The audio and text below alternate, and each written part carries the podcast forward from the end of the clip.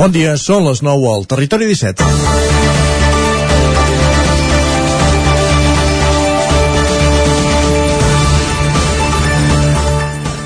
Alerta d'ahir al vespre. La Federació Nacional d'Indústries Làcties, la FANIL, que agrupa bona part de la indústria làctia espanyola, ha anunciat que moltes empreses hauran de paralitzar l'activitat perquè no els arriba tot el que necessiten per processar la llet. Reacció de sorpresa. La situació ve derivada de la vaga en el transport convocada per la Plataforma per a la Defensa del Sector de Transport de Mercaderies per Carretera Nacional i Internacional. Sí, aquella del missatge de WhatsApp de la setmana passada que ens va empènyer a buidar supermercats com si no hi hagués demà. El missatge d'ahir al vespre es va replicar en tots els mitjans nacionals i estatals, sense tenir en compte la incidència que està tenint la vaga del transport, més accentuada a Galícia i Andalusia i força desapercebuda a Catalunya. Els ramaders catalans i les empreses del sector s'han afanyat a dir que no preveuen deixar de distribuir, produir ni de recollir llet, però el missatge ja corre. I corre perquè tots plegats estem més sensibles, per la guerra, per descomptat, però també pels efectes que en molts casos, arran de l'especulació, està revertint en les nostres butxaques, per l'increment del preu de l'energia, els combustibles i les matèries primeres, ara també el paper, i per les repercussions que això tindrà en els costos de producció que acabaran incidint en els preus finals. Si al damunt hi afegim el temor per la falta de subministres, el còctel ja és explosiu. Cert és que la calma ha de ser la recepta, però calma no vol dir mobilisme.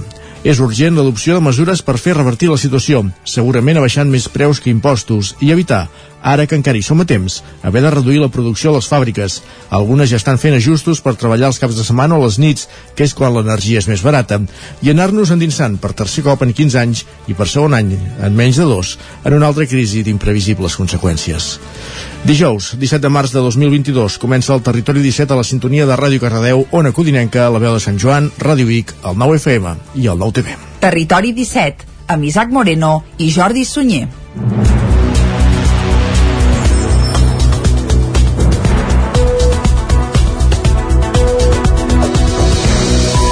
Passen dos minuts de les 9 del matí d'avui dijous, dia 17 de març de 2022. De seguida, aquí a Territori 17, arrencarem i us posarem al dia acostant-vos tota l'actualitat de les nostres comarques. A partir de les 10, més informació i, com sempre, després hi posarem una entrevista. Isaac, cap on anirem avui? Avui anirem fins a Centelles perquè aquest cap de setmana estan de Carnaval, un mes més tard del previst, ja ho hem explicat, a causa de la pandèmia, quan al moment que s'havia de prendre la decisió estàvem en plena sisena onada i es van endarrerir els carnavals a la comarca d'Osona, si més no els més grans, uh -huh. i aquest cap de setmana comença el cicle, comença el cicle en Centelles i en parlarem amb la seva regidora de Cultura, amb l'Anna Chávez.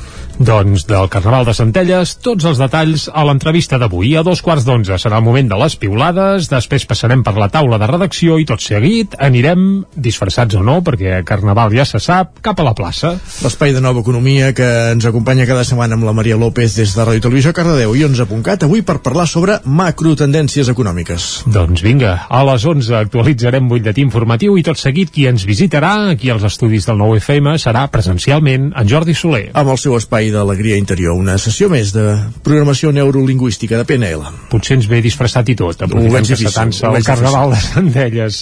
A dos quarts de dotze, va, serà el moment de la Trenc d'Alba, de pujar el tren a la R3, com cada dia, i tot seguit, com que és dijous, tocarà parlar de cinema. Amb en Joan Garcia i en Gerard Fosses, des de la veu de Sant Joan, ens actualitzaran la cartellera i acte seguit ho rematarem parlant de sèries. Exacte, la setmana passada ho vam estrenar això i avui també ho recuperarem, acabarem el programa fent una mica de tertúlia amb recomanacions de sèries televisives. Jo pararé bé l'orella perquè com que no en segueixo cap i no estic got al dia, procuraré situar-me.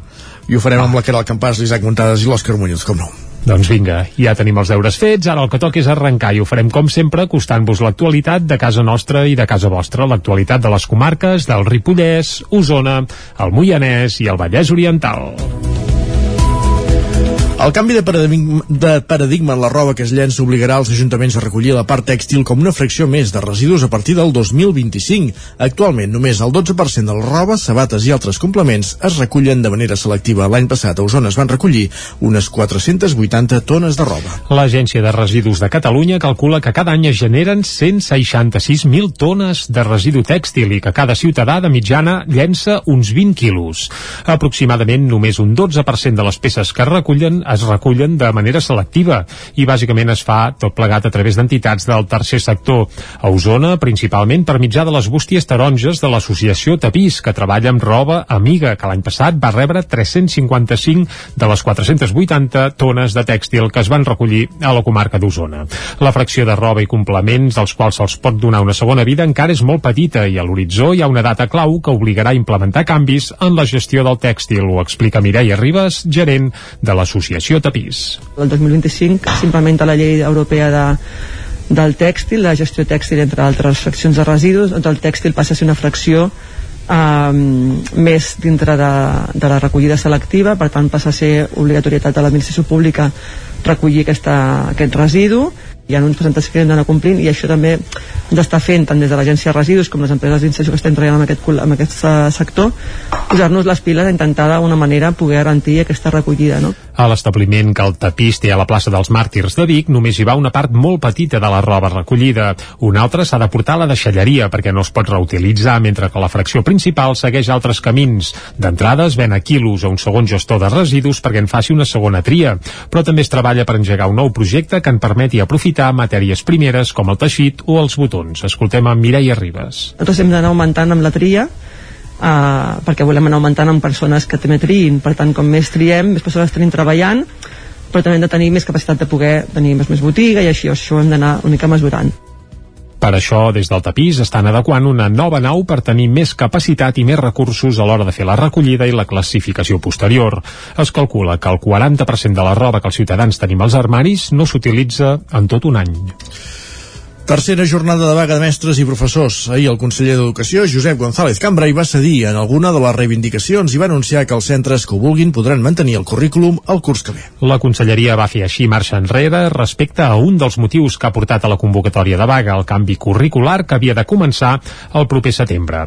Els centres tindran l'opció d'aplicar-lo al curs vinent, el 2022-23, o bé esperar. Segons Educació, el seguiment de la vaga d'ahir dimecres es va reduir a la meitat respecte a la jornada de dimarts. González Cambrai també va afirmar que entén el cansament dels docents i va demanar als sindicats que tornin a seure una taula de negociació de la qual, segons apuntava ahir, el departament mai se n'ha aixecat. Escoltem el conseller. Les dades del seguiment mostren clarament mostren un, un cansament per part dels mestres i per tant volem tenim i tindrem en compte a aquesta realitat, aquesta percepció i aquesta, aquesta vivència de, de cansament. Els convocants de la mobilització segueixen demanant la dimissió del conseller Josep González Cambrai, a qui acusen de no voler parlar amb els docents i reclamen diàleg per abordar les mancances que detecten en el sistema educatiu. Escoltem a Esther Plans, delegada sindical i de salut d'Ustec a la Catalunya Central. Que els nois i noies tinguin la qualitat educativa que es mereixin, que estiguin ben tractats, i també alhora que nosaltres ens sentim valorats com a treballadors, que ho veiem molt improvisat i sense discutir-ho amb la comunitat educativa. Bàsicament demanem diàleg per fer millorar l'escola pública catalana. Entre les principals reclamacions hi ha la inversió del 6% del PIB català en educació, quan l'actualitat no arriba al 4%. També demanen la reducció de les ràtios, més professorat, la recuperació del poder adquisitiu perdut amb les retallades i que redueixi l'interinatge.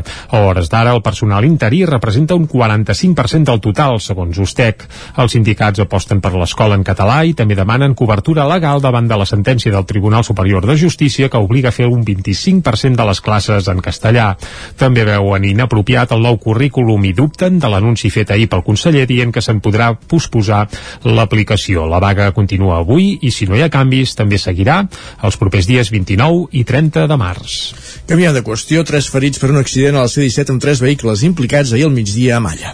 Tres persones, un home i dues dones, van resultar ferides ahir al migdia en un accident i van ser traslladades a l'Hospital Universitari de Vic. La topada es va produir en terme municipal de Malla, al punt quilomètric 56 de la C-17 en sentit Barcelona i va tenir lloc poc abans de dos quarts de dues del migdia. La carretera va estar totalment tallada en aquesta direcció durant mitja hora i després es va reobrir un carril al trànsit. Es van formar algunes cues que van superar el quilòmetre. El SEM va desplaçar dues ambulàncies fins al lloc de l'accident i també hi van acudir els Mossos d'Esquadra.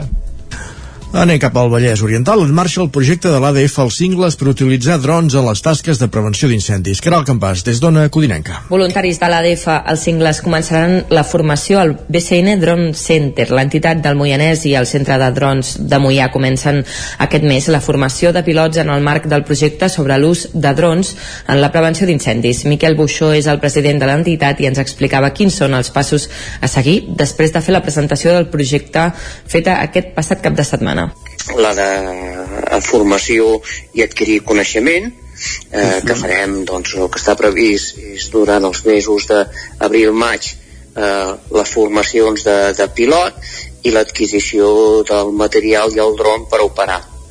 Eh, amb la idea d'entrar a la tercera fase que és la d'execució que serà el juny-juliol quan comenci la campanya que començarem a, a volar ja amb els drons i a validar els usos, mm, els casos d'ús que han fet, no? 25 voluntaris rebran la formació bàsica per a pilotar el dron expressament pensat per a les tasques de prevenció d'incendis. Després, 5 d'ells rebran una formació avançada. La idea és formar unes 25 persones amb coneixements bàsics i llavors unes 5 persones que puguin ser pilots i que puguin ser capaços de fer el tractament de les dades eh, una cop, un cop s'han pres doncs, eh, fotografies, s'han enregistrat eh, vídeos, doncs poder fer el tractament de totes les dades. No?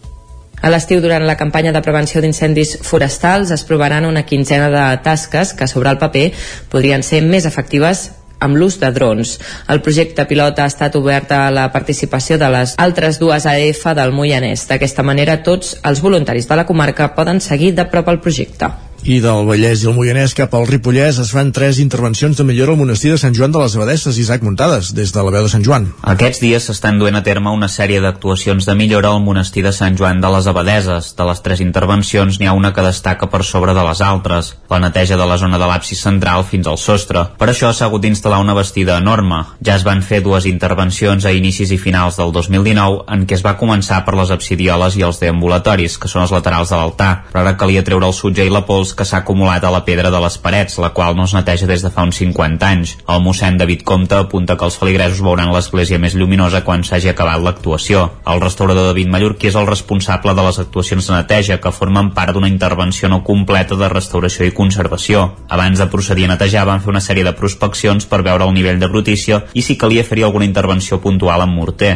La instal·lació de la bastida va durar una setmana i la feina de neteja en durarà tres. Ara estem a la segona setmana de la neteja. En les dues intervencions prèvies sí que calia anar més en compte perquè hi havia capitells i arcades d'època romana en parts restaurades del segle XX, però amb un gran valor artístic igualment. En canvi, les parets on estan intervenint ara són més simples i amples, però amb més alçada. Mallorquí explica com estan fent la neteja. El que veiem més factible, donades les dimensions de l'edifici i amb la idea que hi havia d'anar netejant tot l'edifici per dins, ara s'està fent amb una projecció de vapor d'aigua. Diguéssim, és una, una màquina que projecta vapor d'aigua a pressió, doncs és aigua però no és aigua a dojo, dic. perquè diguéssim l'avantatge d'aquesta tècnica sí que projectes vapor d'aigua a temperatura, et permet una neteja molt millor que aigua sola i alhora és molt més respectuós amb l'estat original de la pedra. Una altra de les intervencions consisteix en la desinfecció del corc de tot el material de fusta del recinte. S'han instal·lat unes bosses gegants platejades i rectangulars que deuen fer un metre i mig d'alçada per 8 o 9 de llargada i uns 4 d'amplada,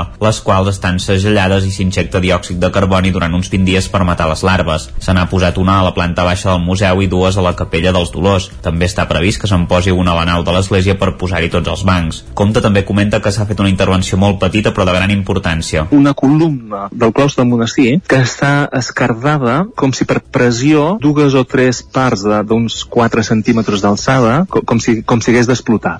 Donada el risc que, que suposaria que una columna cedís, perquè podria fer cedir, amb efecte dòmino, doncs, part del, de les columnes del, del claustre, és a dir, és un equilibri que unes s'aguanten a d'altres, no? per tant, doncs, les conseqüències podrien ser grans, doncs s'ha decidit intervenir una mica preventivament. Bàsicament es cohesionarà la part nova amb l'antiga. Quan es desmunti la vestida i s'hagin de posar els bancs dins de les bosses gegants, al cap de setmana s'hauran de posar cadires pels feligresos per poder fer la missa.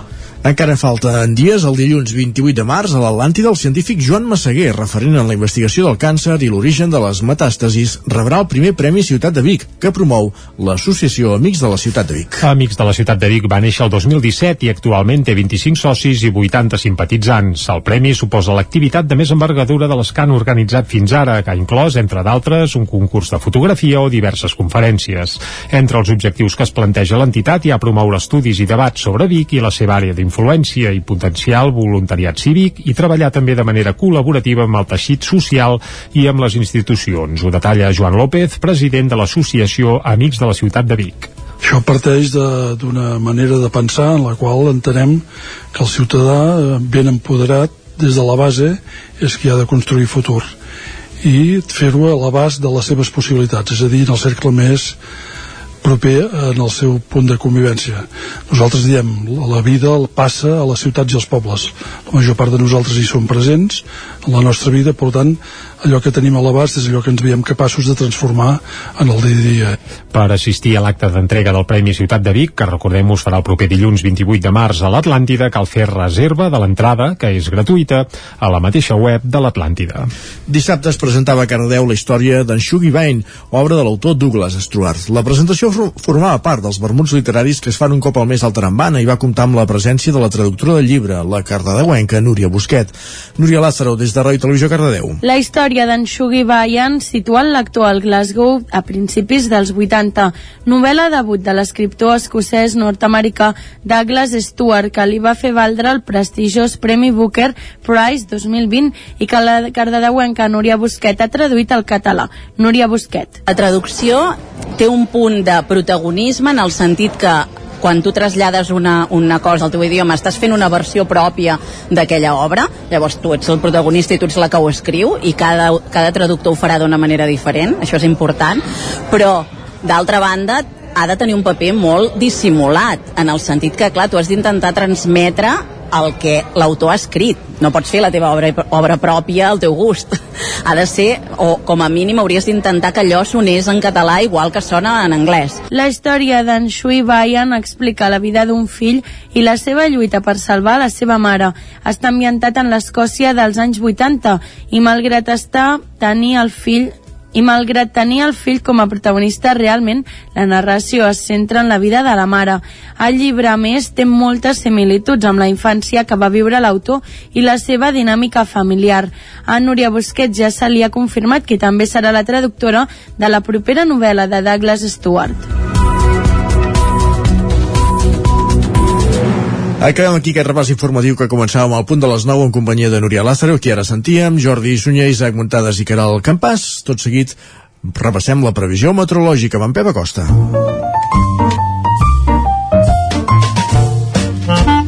Casa Terradellos us ofereix el temps. Un Pep amb qui he parlat fa una estona i està rovelladot, eh? Em no, sembla no. que aquest temps així una mica rúfol no li acaba de provar, ja ho notareu amb la veu. Va, el saludem de seguida, doncs, Pep. Avui ha d'estar eufòric, que juga al Barça, home. Sí, no, bé, bé, per això, eh? però encara no ha jugat i vés a saber què passa. Vinga, va. Uh, bé, bé. Pep, bon dia. Hola, molt bon dia. Sí. Salutacions a la gent que fa possible el programa. Gràcies, gràcies. Salutacions dels amics oients. Per tu també. Avui una veu una mica... Sí, ja ho dèiem. Malament, una mica sí. xungo la veu. Ja, ja et recuperaràs. Benvinguts a l'espai del temps. T'has fet el test? Continuem amb aquest uh, flux de vents de sud, entre sud i llevant, eh, que fa que les temperatures no baixin, siguin unes temperatures força altes, de, sobretot a, a les nits, mínimes per sobre els 10 graus a moltes zones. Per tant molt poc, molt poc fred a la nit. Eh, i de dia les temperatures que pugen a 15, 16, 17 graus. Eh, important aquestes dates eh, aquestes dates que hi ha molt poc contrast tèrmic. És a dir, molt poc amplitud tèrmica. Entre el dia i la nit eh, no hi ha molts graus de diferència. Quan el normal seria que les nits ara siguessin fredes, entre els 0 i els 5 graus en, en moltes poblacions, i els dies ja comencessin a ser bastant càlids. Ja hi ha molta més eh, insolació, hi ha molta més hores de sol, i les temperatures màximes pugessin bastant. Hi hagués molta amplitud tèrmica. Però com que tenim aquests vents de sud i tenim aquesta eh, nubositat fa que el contrast tèrmic entre dia i nit sigui eh, molt, molt poc, molt poc. Eh? És una dada important a ressaltar i que no, no s'hauria de produir ara. El normal seria molt contrast tèrmic entre el dia i la nit. Eh, continuem amb molts núvols i amb poca pluja. Avui també, eh, poder a tarda s'escapen quatre gotes a les nostres poblacions, però molt poca cosa. Avui el més plourà serà al sud de Catalunya i també cap a la costa, que és on hi ha més inestabilitat, on hi ha més vent hi ha molta mala mar, eh? A les comarques estem una mica més allunyats d'aquest temporal de vent, lògicament tampoc tenim mar i no hi ha onades, però d'aquest temporal de vent també estem una mica més allunyats. Com deia, de cara a la tarda, poder quatre gotes, molt poca cosa, bastants núvols i un dia semblant al d'ahir.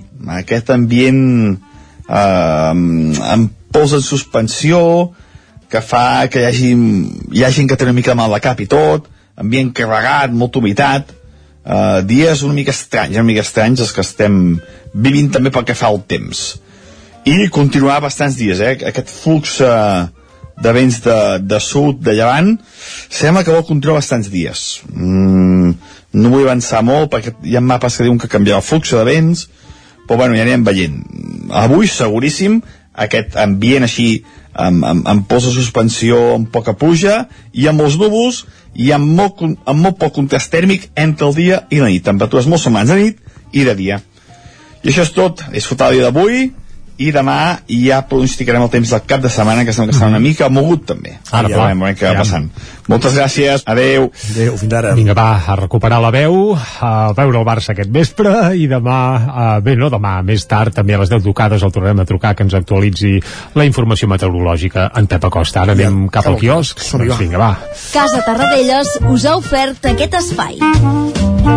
Anem a saber què diuen avui els diaris, si més no, a les seves portades. Comencem pel punt avui, Jordi. I tant, comencem pel punt avui i evidentment amb tots hi han dues coses comunes, eh? Mestres i Ucraïna. Uh, si més no, les portades d'àmbit nacional, les estatals ja sempre amplien una mica o divergeixen en, en el ventall a, a les portades. Va, punt avui, avenç diplomàtic. Uh, primer esborrany de pau entre Rússia i Ucraïna, tot i el sagnant combat. És dir, els combats continuen, però sembla que es podria anar acostant uh, una treva i la pau. Tant de bo sigui, sigui ben aviat i, i això, que si pot ser d'aquí una hora que no sigui pas demà passat. La protesta contra ensenyament al Saló, i és que ahir els mestres van entrar al Saló de l'Ensenyament que s'inaugurava ahir a Barcelona amb la presència del conseller i no li van deixar inaugurar el Saló quan tocava perquè Pobre van irrompre, sí, sí, sí. I la fotografia és precisament per aquest moment. També, Rufián només rectifica les formes. Recordem que, bé, el líder d'Esquerra al Congrés espanyol Uh, exacte, ahir va entre cometes demanar perdó però és que clar, és tan, tan relatiu el tot plegat, però bé, no entrarem més amb l'afer rufian, anem cap a l'ara. Titular principal, Rússia exigeix una Ucraïna neutral per anar cap a l'alto al foc. Uh, Kiev accepta no entrar a l'OTAN però vol garanties de seguretat i no renuncia a cap dels territoris. Biden aprova una nova ajuda militar a Ucraïna de mil milions i titlla Putin de criminal de guerra. És a dir, per un cantó sembla que anem cap a la pau i per l'altre, doncs que continua la, la guerra, bé, eh, ja es veurà. Dialèctica també, sí. Sí, uh, també a l'ara Cambrai cedeix i dona marge per aplicar el nou currículum. Tot i això, avui a la jornada de vaga no s'ha aixecat i continua havent-hi això, vaga. També El apunten... que també hi ha són serveis i mínims, eh? Per, ho dic perquè bàsicament la incidència sobre les famílies segurament la vaga és Sí, bastant sobretot, no, eh, cal dir que a primària, i els que tenim pares ho sabem bé prou, els que tenim fills, vull dir, eh, l'activitat, home, no és convencional, hi ha alguns mestres que estan fent vaga, però les escoles funcionen amb relativa normalitat. Si més no, a l'entorn d'Osona. I, exacte, correcte, a l'entorn del territori 17 sobretot. Però vaja, sí que és evident que hi ha professorat, una quarta part, eh, apunten alguns i algunes altres xifres més, doncs que estan en, en vaga.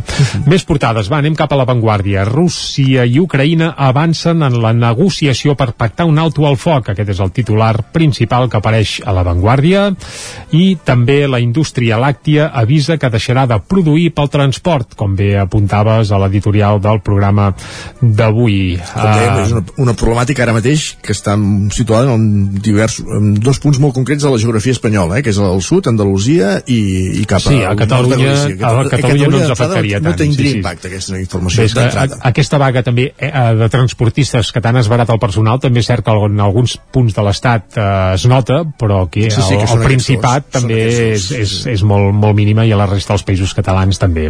Seguim amb portades, va, anem cap al periòdico. Rússia i Ucraïna obren vies per frenar la guerra. Aquest és el titular principal eh, que apareix a la portada del periòdico i també el govern anuncia mà dura contra els piquets del transport. Aquí també fan referència a aquesta vaga que hi ha sobretot eh, a l'estat espanyol. I amb un racó Hisenda assumeix la investigació fiscal al rei emèrit. Eh, això també en una finestra a la lateral a la portada del periòdico. Anem cap a les portades que s'editen des de Madrid, des de l'estat espanyol. Comencem pel país. Clar, aquí no cobra... hi haver vaga de mestres, eh? No, aquí la vaga de mestres no apareix per enlloc, eh? ja, ja ho alertem. Bé, potser a l'interior sí que hi ha algun raconet on s'apunta, eh? però a la portada no. A la portada, al país, les negociacions s'obren pas entre les bombes. Aquest és el titular principal. Moscou i Kiev discuteixen un document que planeja un estatus de neutralitat per Ucraïna. Això és el titular principal. I també el govern promet abaixar la llum, el gas i la gasolina amb una oferta que fa el PP com si no ens l'hagués de fer els contribuents. Es veu que aquesta oferta l'han fet al PP i això sí, han posat data, el 29 d'abril. D'abril, de març, perdó, On de març. D'aquí, sí, d'aquí 15 dies. És a dir, que va, dius, abaixarem els preus, posem no, quan? D'aquí 15 dies. Dius, home, tio, això potser la urgència... És avui que no puc posar gasolina. Sí, exacte, exacte. Però bé, ja se sap que depèn quins llocs, les coses van a poc a poc. Eh, La Razón, en canvi, van molt de pressa, perquè diuen un gir de Moncloa fa cap al PP posa en alerta els seus socis de coalició. Ara. És a dir, ja veuen que, el, perillat, que la Moncloa pica l'ullet al PP i els seus socis, evidentment Podemos, es posen en estat d'alerta. Això a la portada de la Razón. També hi apareix, evidentment, que Rússia i Ucraïna negocien un pla de neutralitat per frenar la guerra. I ràpidament fem un cop d'ull també a l'ABC. El titular principal és espectacular. Sánchez retarda les ajudes i aboca a una aturada de la producció. Uh, bé, les mobilitzacions dels transportistes s'enquisten i tensionen l'abastiment amb un sector làctic i la pesca al límit del col·lapse. Això a l'ABC. També amb un raconet, Putin aborda l'esperança, avorta, és a dir, avorta, per tant trenca l'esperança d'un acord per posar fi a la guerra. A tot arreu sembla que, que hi ha esperança i aquí a l'ABC doncs no la veuen per enlloc. Uh, I acabem... Uh, bé, no acabem aquí perquè ja hem d'anar a publicitat. Doncs fem una pausa de 3 minuts i tornem de seguida al Territori 17. No marxeu, fins ara. El nou FM, la ràdio de casa, al 92.8. La vida i la naturalesa han portat Ernest Gingó a crear el seu primer disc i tu el pots ajudar a fer-lo realitat. Busca Seguint la Natura a la pàgina web Verkami i podràs fer la teva aportació econòmica a canvi del disc i d'alguns instruments artesanals que ha construït amb el seu pare, fuster de professió. Ajuda l'Ernest Gingó a fer realitat aquest primer disc que fa un viatge musical per la connexió amb la naturalesa. un sentiment. Cobertes serveis funeraris. Els nostres tanatoris estan ubicats en els nuclis urbans més poblats de la comarca d'Osona per oferir un millor servei. Tanatori de Vic, Tanatori de Manlleu, Tanatori de Centelles i Tanatori de Roda de Ter. Sabem que són moments difícils i per això el nostre compromís és atendre-us en tot moment amb un tracte humà, sensible i respectuós. Cobertes serveis funeraris. Telèfon 24 hores 93 883 23 46. Al restaurant Xavito Gastro de Vic hi trobaràs una cuina mediterrània i de mercat amb gran varietat de plats, amb arrossos, carn o peix fresc de la llotja cada dia. Vine a dinar de dimarts a divendres i prova el nostre menú diari per només 15 euros o a les nits de dijous a diumenge tastar el nostre menú degustació amb arrossos i tapes per 25 euros. Restaurant Xamito Gastro. Ens trobaràs al carrer Callnou número 9 de Vic i al telèfon 93 094 1172 o al 747 42 92 58. Això és el que s'escolta al voltant d'una caldera saunia d'Oval. tranquil·litat i benestar, perquè gaudeix del millor manteniment del servei tècnic oficial per estar despreocupat. O el que vulgui. Informis a Oficiat Nord trucant al 938860040. Saunier Duval, sempre al seu costat.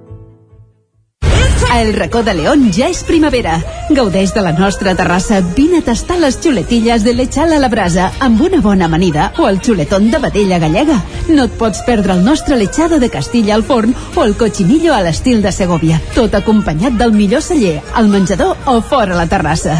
Descobreix la millor cuina de Lleó sense moure't de casa. Vine amb la família, els amics, la parella o sol. T'encantarà. El racó de León, cuina tradicional lleonesa i de mercat. Som al carrer Torelló número 35 de Vic. Per reserves, telèfon 93 889 1950. El racó de León, una cuina diferent.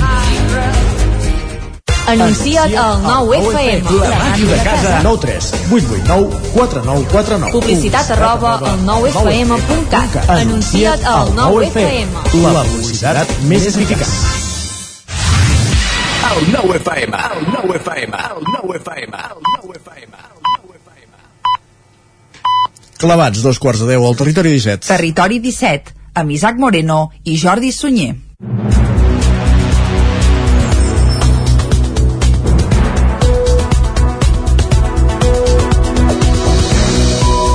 I a dos quarts de deu en punt d'avui dijous dia 17 de març de 2022 el que tocarà de seguida és acostar-vos de nou tota l'actualitat de casa nostra. Abans, però, ja us avancem que abans de les 10, com cada dia, hi posarem una mica de música i avui serà folk rock català amb esperit trobadoresc. Uh, què vol dir això? Doncs Carai. que escoltarem els Legendari, un grup de Ah, Cardedeu sí. que aquest cap de setmana uh, Els presenten... ahir també a la- a l'agenda, Correcte, correcte, és que són molt bons, eh? Uh -huh. I a més, eh, bé, ja ho explicarem, però faran un festival aquest cap de setmana a Cardedeu, aquest Dissabte dissabte, al vespre, sí, dissabte al vespre, a partir de les 8, que, que serà espectacular. I avui eh, esmolarem les eines, i mai tan ben dit, eh, escoltant un fragment de Terra de Somiadors, va? Molt bé. A les 10 en punt eh, actualitzarem butlletí informatiu i tot seguit, a l'entrevista, Isaac, anirem de Carnaval avui, Anirem a Centelles, on aquest cap de setmana s'hi celebra la Rua de Carnaval eh, i en parlarem, de fet, amb la regió de Cultura de l'Ajuntament, amb l'Anna Chávez. A dos quarts d'onze, piulades, tot seguit passarem per la taula de redacció i anirem a la plaça. A l'espai de nova economia que cada setmana ens acosta, la Maria López des de Ràdio Televisió Cardedeu i 11.cat per parlar avui sobre macrotendències econòmiques. A les 11, més informació, amb un nou butlletí informatiu i tot seguit qui ens visitarà serà, com cada 15 dies, en Jordi Soler. A l'espai Alegria Interior per fer una nova sessió de PNL. I a la darrera mitja hora tindrem temps de pujar al tren, a la R3, a la Trenc d'Alba, i tot seguit, com que és dijous, anirem cap al cinema. Amb en Joan Garcia i en Gerard Fosses des de la veu de Sant Joan per actualitzar la cartellera i donar pas a una nova tertúlia sobre sèries amb la Caral Campàs, l'Isaac Muntades i l'Òscar Muñoz. Doncs estarem al cas d'aquesta tertúlia perquè jo, sentint parlar de sèries, és com si em parlessin de, bé, de geografia, anava a dir, eh, siberiana. Què et vas quedar, bola de drac? Uh, pss, pràcticament, podríem dir que sí, sí, sí, sí, sí. Però vaja, estarem al cas, estarem al cas, va, i aviam si algun dia em puc afegir a la tertúlia, així.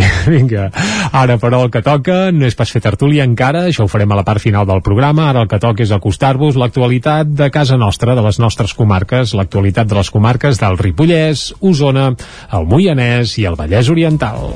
El canvi de paradigma, de paradigma en la roba que es llença obligarà els ajuntaments a recollir la part tèxtil com una fracció més de residus a partir del 2025. Actualment, només el 12% de la roba, sabates i altres complements es recullen de manera selectiva. L'any passat a Osona es van recollir unes 480 tones de roba. L'Agència de Residus de Catalunya calcula que cada any es generen 166.000 tones de residu tèxtil i que cada ciutadà de mitjana llença uns 20 quilos.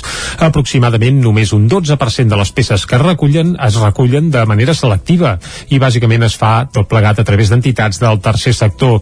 A Osona, principalment per mitjà de les bústies taronges de l'associació Tapís, que treballa amb roba amiga, que l'any passat va rebre 355 de les 480 tones de tèxtil que es van recollir a la comarca d'Osona.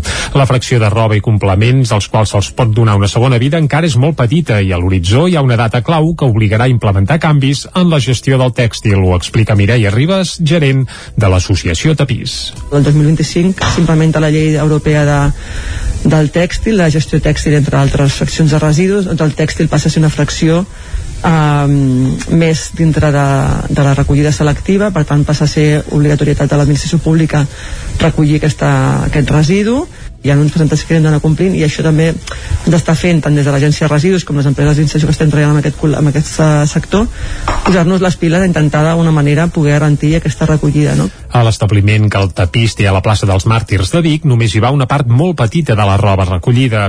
Una altra s'ha de portar a la deixalleria perquè no es pot reutilitzar, mentre que la fracció principal segueix altres camins. D'entrada es ven a quilos a un segon gestor de residus perquè en faci una segona tria, però també es treballa per engegar un nou projecte que en permeti aprofitar matèries primeres com el teixit o els botons. Escoltem a Mireia Ribes. Nosaltres hem d'anar augmentant amb la tria uh, perquè volem anar augmentant amb persones que també triïn per tant com més triem, més persones tenim treballant però també hem de tenir més capacitat de poder tenir més, més botiga i així això ho hem d'anar una mica mesurant per això, des del tapís estan adequant una nova nau per tenir més capacitat i més recursos a l'hora de fer la recollida i la classificació posterior. Es calcula que el 40% de la roba que els ciutadans tenim als armaris no s'utilitza en tot un any. Tercera jornada de vaga de mestres i professors. Ahir el conseller d'Educació, Josep González Cambrai, va cedir en alguna de les reivindicacions i va anunciar que els centres que ho vulguin podran mantenir el currículum el curs que ve. La conselleria va fer així marxa enrere respecte a un dels motius que ha portat a la convocatòria de vaga, el canvi curricular que havia de començar el proper setembre. Els centres tindran l'opció d'aplicar-lo al curs vinent, el 2022-23, o bé esperar. Segons Educació, el seguiment de la vaga d'ahir dimecres es va reduir a la meitat respecte a la jornada de dimarts març. González Cambrai també va afirmar que entén el cansament dels docents i va demanar als sindicats que tornin a seure una taula de negociació de la qual, segons apuntava ahir, el departament mai se n'ha aixecat. Escoltem el conseller. Les dades del seguiment mostren clarament mostren un, un cansament per part dels mestres i per tant volem tenim i tindrem en compte a aquesta realitat, aquesta percepció i aquesta, aquesta vivència de, de cansament. Els convocants de la mobilització segueixen demanant la dimissió del conseller Josep González Cambrai, a qui acusen de no voler parlar amb els docents i reclamen diàleg per abordar les mancances que detecten en el sistema educatiu. Escoltem a Esther Plans, delegada sindical i de salut d'USTEC a la Catalunya Central. Que els nois i noies tinguin la qualitat educativa que es mereixin, que siguin ben tractats, i també alhora que nosaltres ens sentim valorats com a treballadors, que ho veiem molt improvisat i sense discutir amb la comunitat educativa. Bàsicament demanem diàleg per fer millorar l'escola pública catalana. Entre les principals reclamacions hi ha la inversió del 6% del PIB català en educació, quan l'actualitat no arriba al 4%. També demanen la reducció de les ràtios, més professorat, la recuperació del poder adquisitiu perdut amb les retallades i que es redueixi l'interinatge. A hores d'ara, el personal interí representa un 45% del total, segons Ustec. Els sindicats aposten per l'escola en català i també demanen cobertura legal davant de la sentència del Tribunal Superior de Justícia que obliga a fer un 25% de les classes en castellà. També veuen inapropiat el nou currículum i dubten de l'anunci fet ahir pel conseller dient que se'n podrà posposar l'aplicació. La vaga continua avui i si no hi ha canvis també seguirà els propers dies 29 i 30 de març. Canviant de qüestió, tres ferits per un accident a la C-17 amb tres vehicles implicats ahir al migdia a Malla. Tres persones, un home i dues dones, van resultar ferides ahir al migdia en un accident i van ser traslladades a l'Hospital Universitari de Vic. La topada es va produir en terme municipal de Malla, al punt quilomètric 56 de la C-17 en sentit Barcelona i va tenir lloc poc abans de dos quarts de dues del migdia. La carretera va estar totalment tallada en aquesta direcció durant mitja hora i després es va reobrir un carril al trànsit. Es van formar algunes cues que van superar el quilòmetre. El SEM va desplaçar dues ambulàncies fins al lloc de l'accident i també hi van acudir els Mossos d'Esquadra.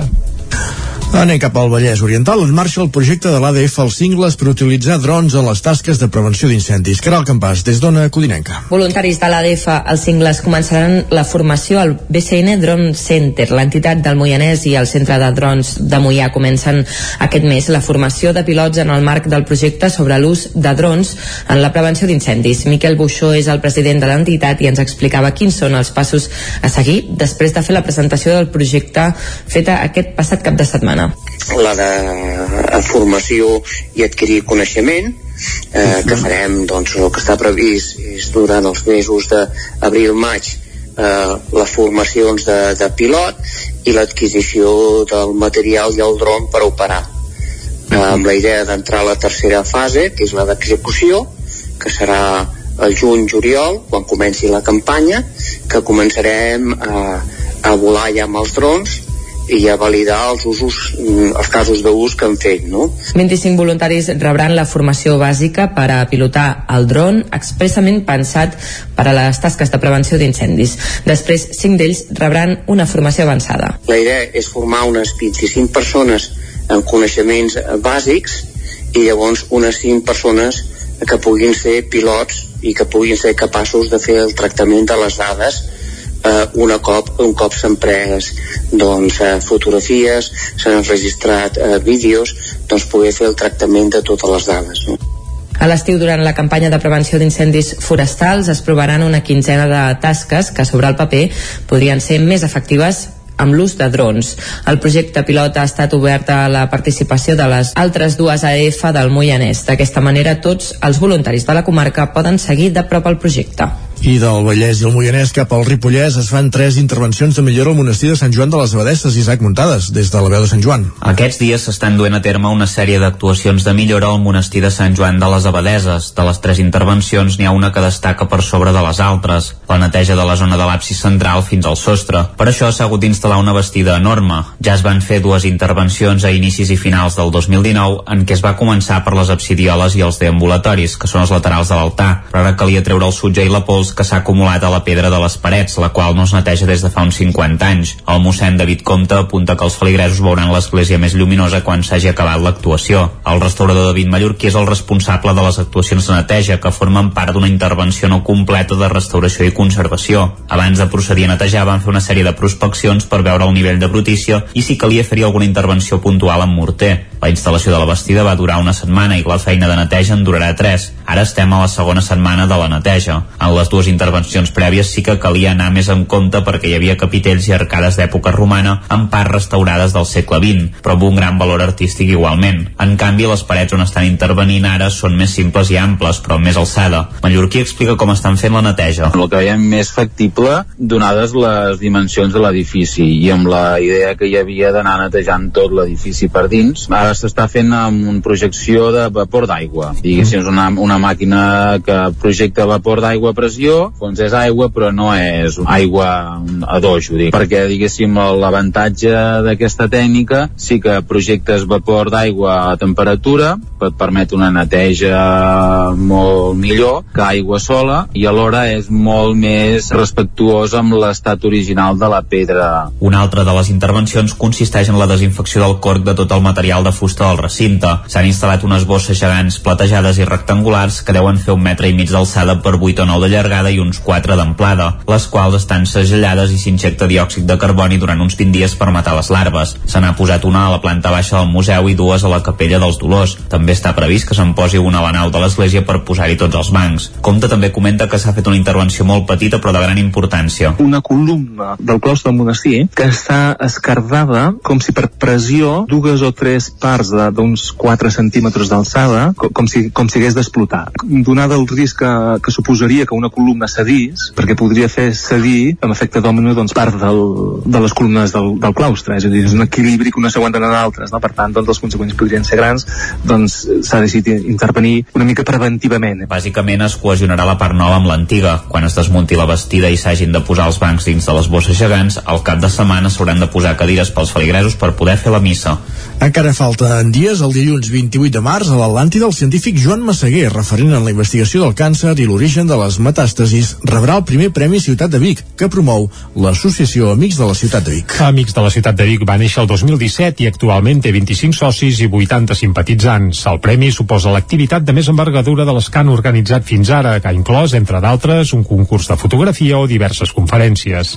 Entre els objectius que es planteja l'entitat hi ha promoure estudis i debats sobre Vic i la seva àrea d'influència i potencial voluntariat cívic i treballar també de manera col·laborativa amb el teixit social i amb les institucions. Ho detalla Joan López, president de l'Associació Amics de la Ciutat de Vic. Això parteix d'una manera de pensar en la qual entenem que el ciutadà eh, ben empoderat des de la base és qui ha de construir futur i fer-ho a l'abast de les seves possibilitats, és a dir, en el cercle més proper en el seu punt de convivència. Nosaltres diem, la vida passa a les ciutats i als pobles. La major part de nosaltres hi som presents en la nostra vida, per tant, allò que tenim a l'abast és allò que ens veiem capaços de transformar en el dia a dia. Per assistir a l'acte d'entrega del Premi Ciutat de Vic, que recordem-ho farà el proper dilluns 28 de març a l'Atlàntida, cal fer reserva de l'entrada, que és gratuïta, a la mateixa web de l'Atlàntida. Dissabte es presentava a Cardeu la història d'en Shuggy Bain, obra de l'autor Douglas Stuart. La presentació formava part dels vermuts literaris que es fan un cop al mes al Tarambana i va comptar amb la presència de la traductora del llibre, la cardedeuenca Núria Busquet. Núria Lázaro, des de Ràdio Televisió Cardedeu. La història d'en Shuggy Bayan situa l'actual Glasgow a principis dels 80.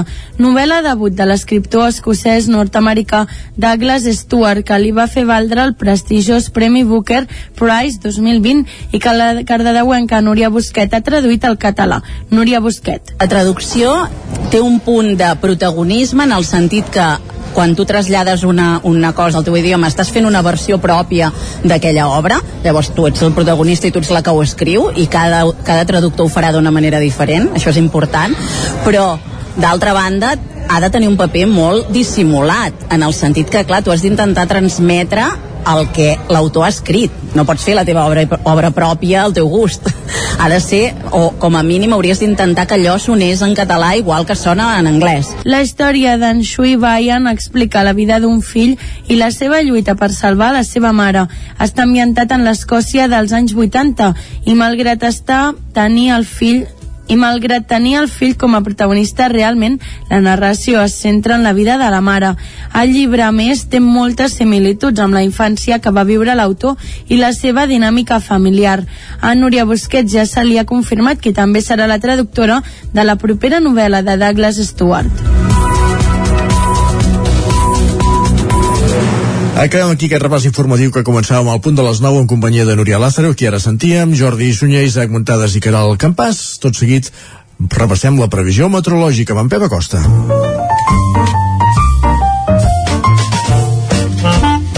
Casa Terradellos us ofereix el temps. Un Pep amb qui he parlat fa una estona i està rovelladot, eh? Em No, sembla no. que aquest temps així una mica rúfol no li acaba de provar, ja ho notareu amb la veu. Va, el saludem de seguida, Pep. Avui ha d'estar eufòric, que juga al Barça, home. Sí, no, bé, bé, però això, eh, però encara no ha jugat i vés a saber què passa. Vinga, va. Uh, bé, bé, Pep, bon dia. Hola, molt bon dia. Salutacions a la gent que fa possible el programa. Gràcies, gràcies. Salutacions dels amics oients. Per tu també. Avui una veu una mica... Sí, ja ho dèiem. Malament, una mica xungo la veu. Ja, ja et recuperaràs. Benvinguts a l'espai del temps. T'has fet el test? Continuem amb aquest uh, flux de vents de sud, entre sud i llevant, eh, que fa que les temperatures no baixin, siguin unes temperatures força altes, de, sobretot a, a les nits, mínimes per sobre els 10 graus a moltes zones, per tant, molt poc, molt poc fred a la nit, eh, i de dia les temperatures que pugen a 15, 16, 17 graus. Uh, important aquestes dates uh, aquestes dates que hi ha molt poc contrast tèrmic és a dir, molt poca amplitud tèrmica. Entre el dia i la nit uh, no hi ha molts graus de diferència.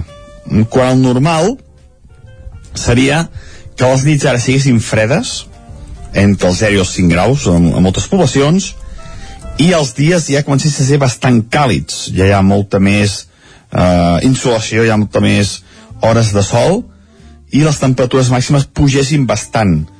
I hi hagués molta amplitud tèrmica. Però com que tenim aquests vents de sud i tenim aquesta eh, nulositat fa que el contrast tèrmic entre dia i nit sigui eh, molt, molt poc molt poc, eh? és una dada important a ressaltar i que no, no s'hauria de produir ara. El normal seria molt contrast tèrmic entre el dia i la nit. Uh, continuem amb molts núvols i amb poca pluja. Avui també uh, poder a tarda s'escapen quatre gotes a les nostres poblacions però molt poca cosa. Avui el més plourà serà al sud de Catalunya i també cap a la costa que és on hi ha més inestabilitat on hi ha més vent hi ha molta mala mar eh? a les comarques estem una mica més allunyats d'aquest temporal de vent. Lògicament tampoc tenim mar i no hi ha onades però d'aquest temporal de vent també estem una mica més allunyats. Com deia, de cara a la tarda poder quatre gotes molt poca cosa bastants núvols i un dia semblant al d'ahir.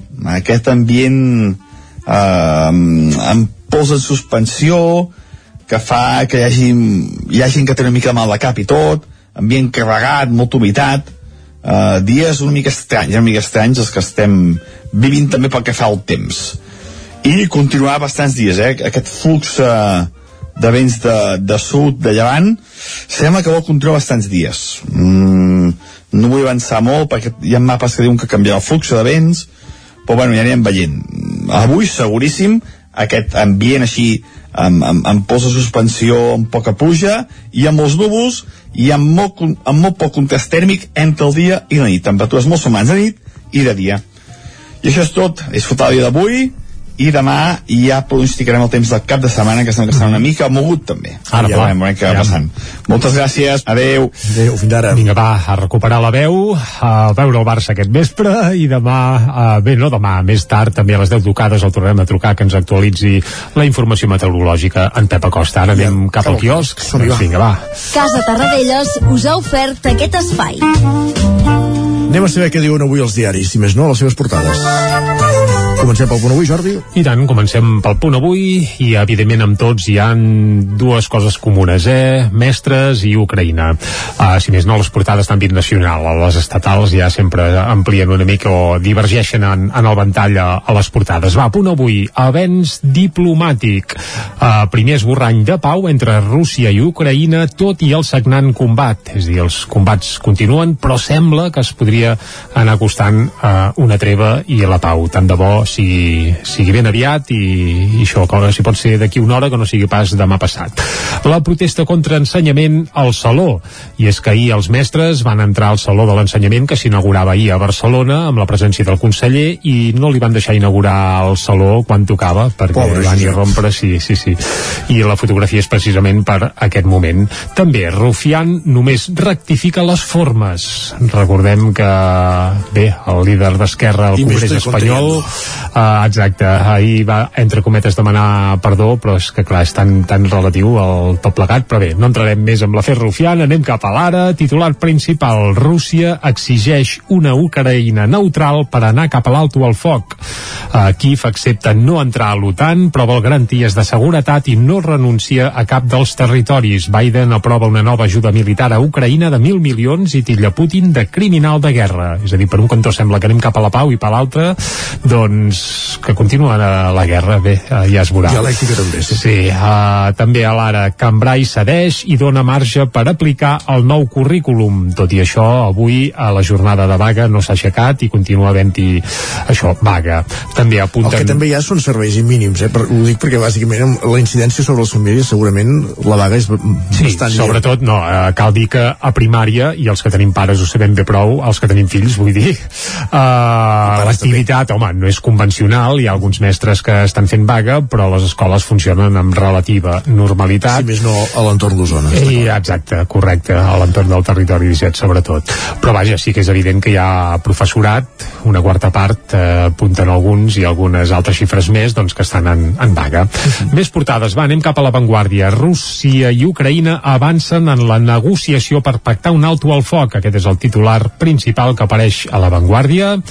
I també la indústria làctia avisa que deixarà de produir pel transport, com bé apuntaves a l'editorial del programa d'avui. Com dèiem, Ah, és una, una problemàtica ara mateix que està situada en, divers, en dos punts molt concrets de la geografia espanyola, eh, que és al sud, Andalusia i, i cap a, Sí, a al nord de Catalunya- a Catalunya no ens afectaria No tant, tindria sí, sí. impacte aquesta informació és que a- aquesta vaga també eh, de transportistes que t'han esbarat el personal també és cert que en alguns punts de l'estat eh, es nota, però que Sí, sí, el, que el Principat també és, és, és molt, molt mínima i a la resta dels països catalans també.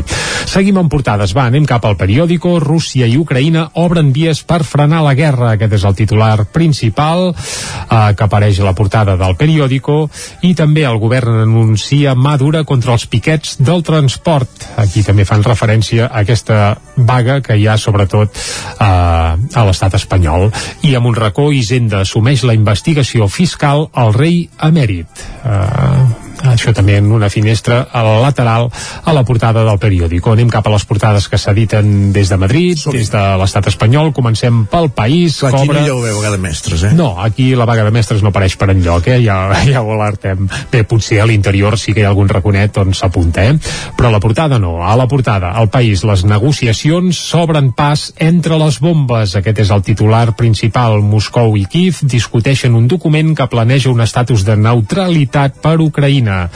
Això és el titular principal i també el govern promet abaixar la llum, el gas i la gasolina amb una oferta que fa el PP com si no ens l'hagués de fer els contribuents. Es veu que aquesta oferta l'han fet al PP i això sí, han posat data, el 29 d'abril. Eh, d'abril, de març, perdó, de març. D'aquí, sí, d'aquí 15 dies. És a dir, que va, dius, abaixarem els preus, poseu no, quan? D'aquí 15 dies. Dius, home, tio, això potser la urgència... És avui que no puc posar gasolina. Sí, exacte, exacte. Però bé, ja se sap que depèn quins llocs les coses van a poc a poc. Uh, la Razón, en canvi, van molt de pressa perquè diuen un gir de Moncloa fa cap al PP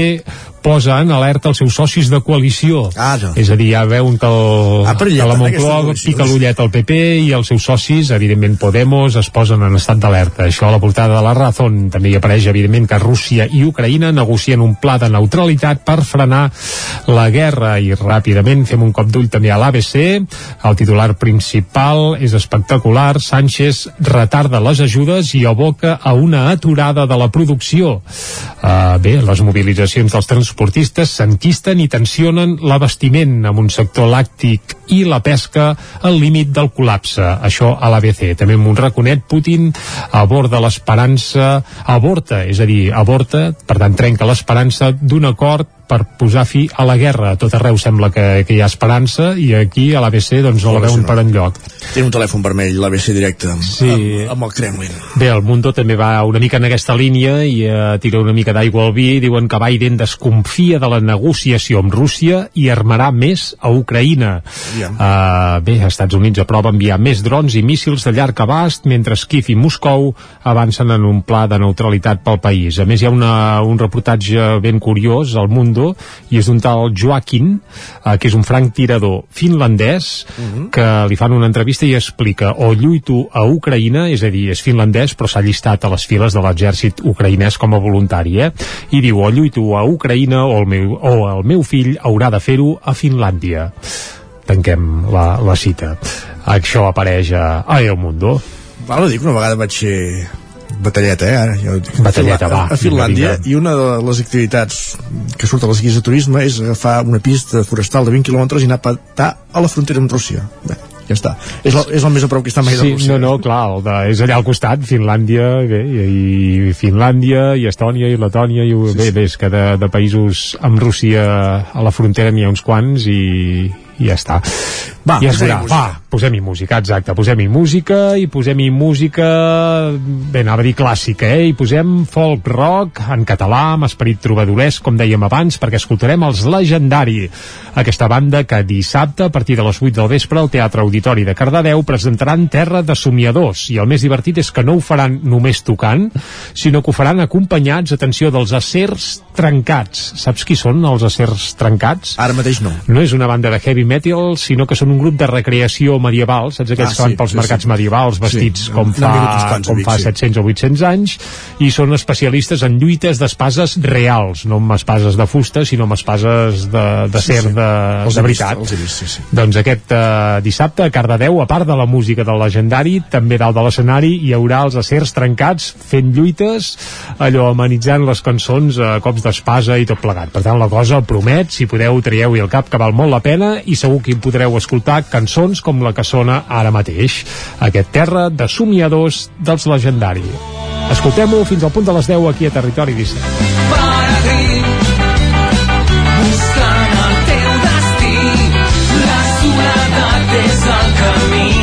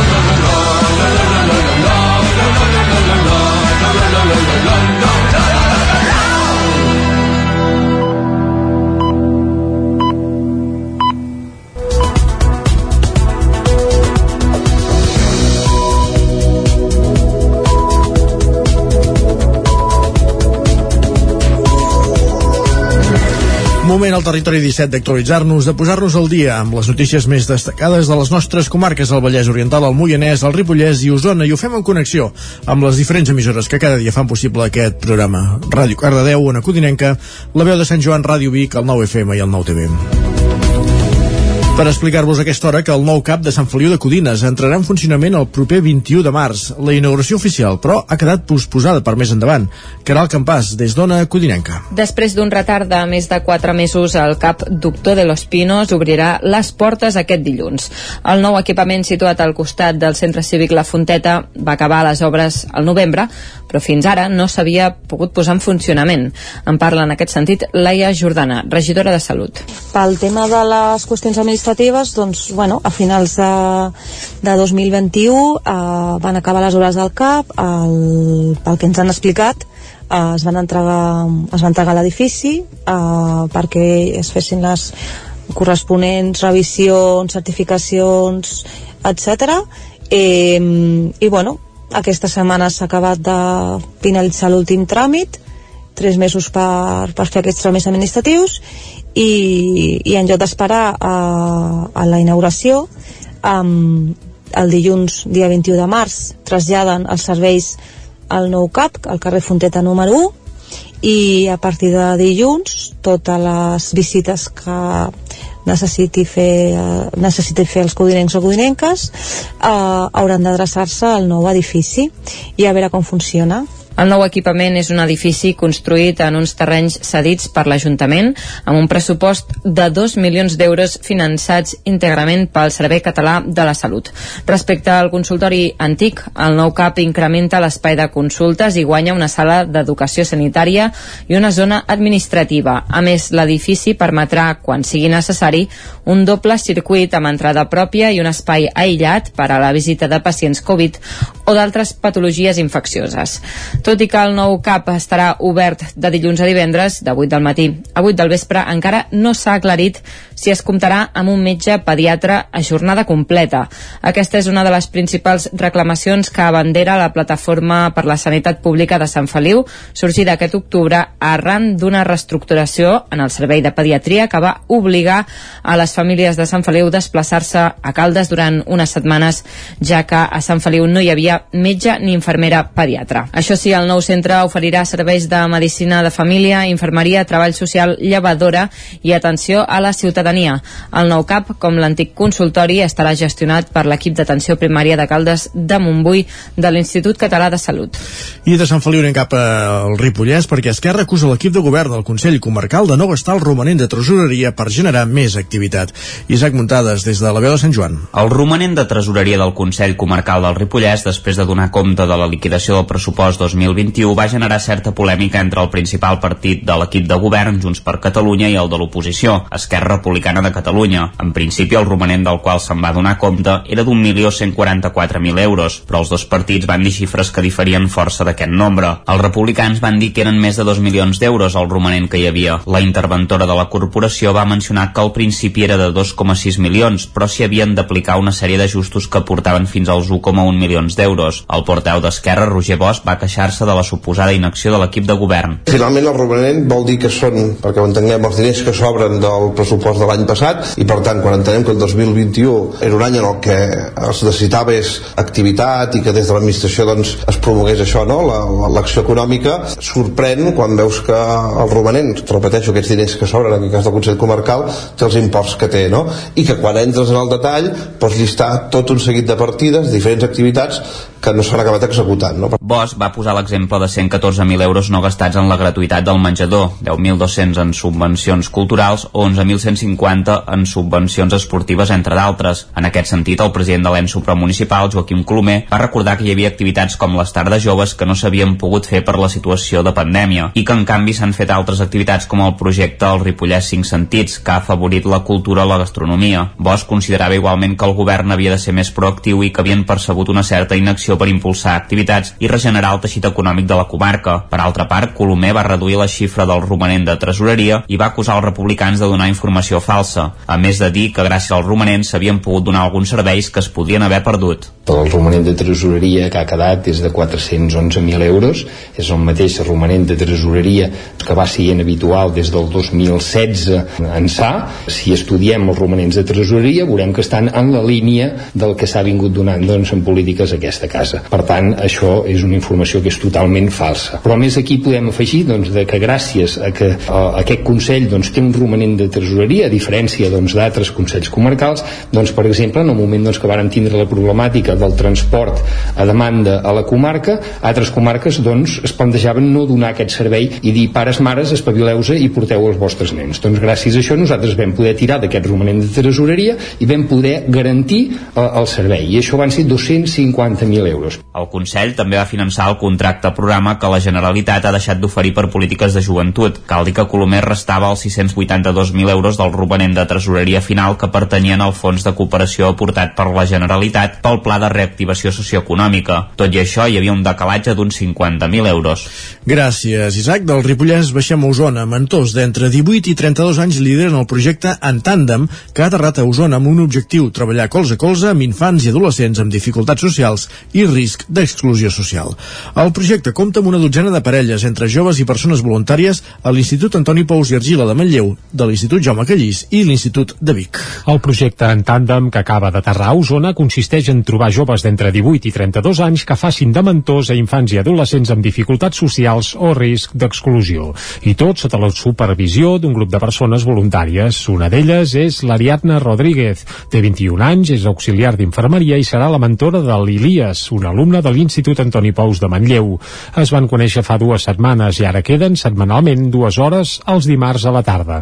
Un temps que poden invertir a fer tot tipus d'activitats. Ells, per exemple, ja tenen previst visitar plegats una protectora d'animals. Escoltem a l'Ariadna Rodríguez. El que ens agrada fer, ens agrada, bueno, hem coincidit en bastantes coses i jo crec que els pròxims dies podem anar trobant coses que fer. Uh, que ens agrada l'esport, ens agraden certs animals, que mirarem alguna protectora o alguna per anar algun dia a mirar algun animal, Com ells, hi ha cinc parelles més de l'Institut Antoni Pous i Argila de Manlleu, tres de l'Institut de Vic i tres més de l'Institut Jaume Callís, també de Vic, que l'edat que, els sigui, que l'edat que es porten sigui poca ha de permetre que els infants i adolescents s'emmirallin en les persones voluntàries. Això ho apunta Núria Bienvenido, tècnica del projecte en tàndem. Nosaltres, quan, quan busquem els mentors, nosaltres els, els, hi, els hi diem que han de ser, la, la, que han de, durant aquestes dues hores a la setmana, han de donar la, la millor versió d'ells mateixos, no?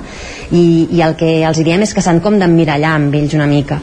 Busquem perfils de, de voluntaris, de mentors joves, per això, no? perquè siguin pròxims en els infants i, i adolescents i que, que no sigui una figura que ells vegin pues, això, no? com els mestres, com la família, sinó que la vegin més pròxima i així doncs, es pugui establir aquest vincle i puguin eh, treballar i explicar-los coses que potser no s'atreveixen a fer-ho pues, això, no? els mestres o la família no? i a partir d'aquí doncs, treballar diferents eh, coses.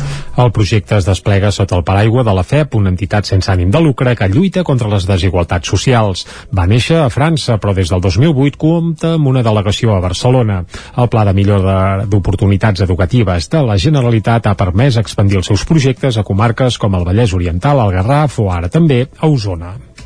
Veïns de Sant Quirze de Besora es queixen que els surten esquerdes a casa d'ençà de la reforma del pont que uneix les dues parts del poble travessant el riu Ter. Un dels afectats vol presentar un recurs contenciós administratiu contra la Diputació de Barcelona. Almenys 8 veïns de la carretera de Berga de Sant Quirze de Besora es queixen que arran de la reforma del pont l'any 2014 els surten esquerdes a casa. Des d'aleshores hi ha un augment signific- significatiu del trànsit i diuen que els vehicles de gran tonatge produeixen vibracions al subsol i provoquen fissures o esquerdes a les parets. Un dels afectats és Jordi Serradell, que explica que abans de les obres ja passava, però com la reforma el problema ha anat a més. En el seu cas també li han aparegut esquerdes al negoci, una barberia. En els darrers anys la Diputació, la institució que s'encarrega del, de- del manteniment de la carretera, ha fet diverses actuacions de millora de la calçada. Serradell, però, no ha notat canvis i afegeix que també es produeixen filtracions d'aigua que fan aparèixer humitats. Ha presentat més d'una instància a l'Ajuntament exposant la problemàtica.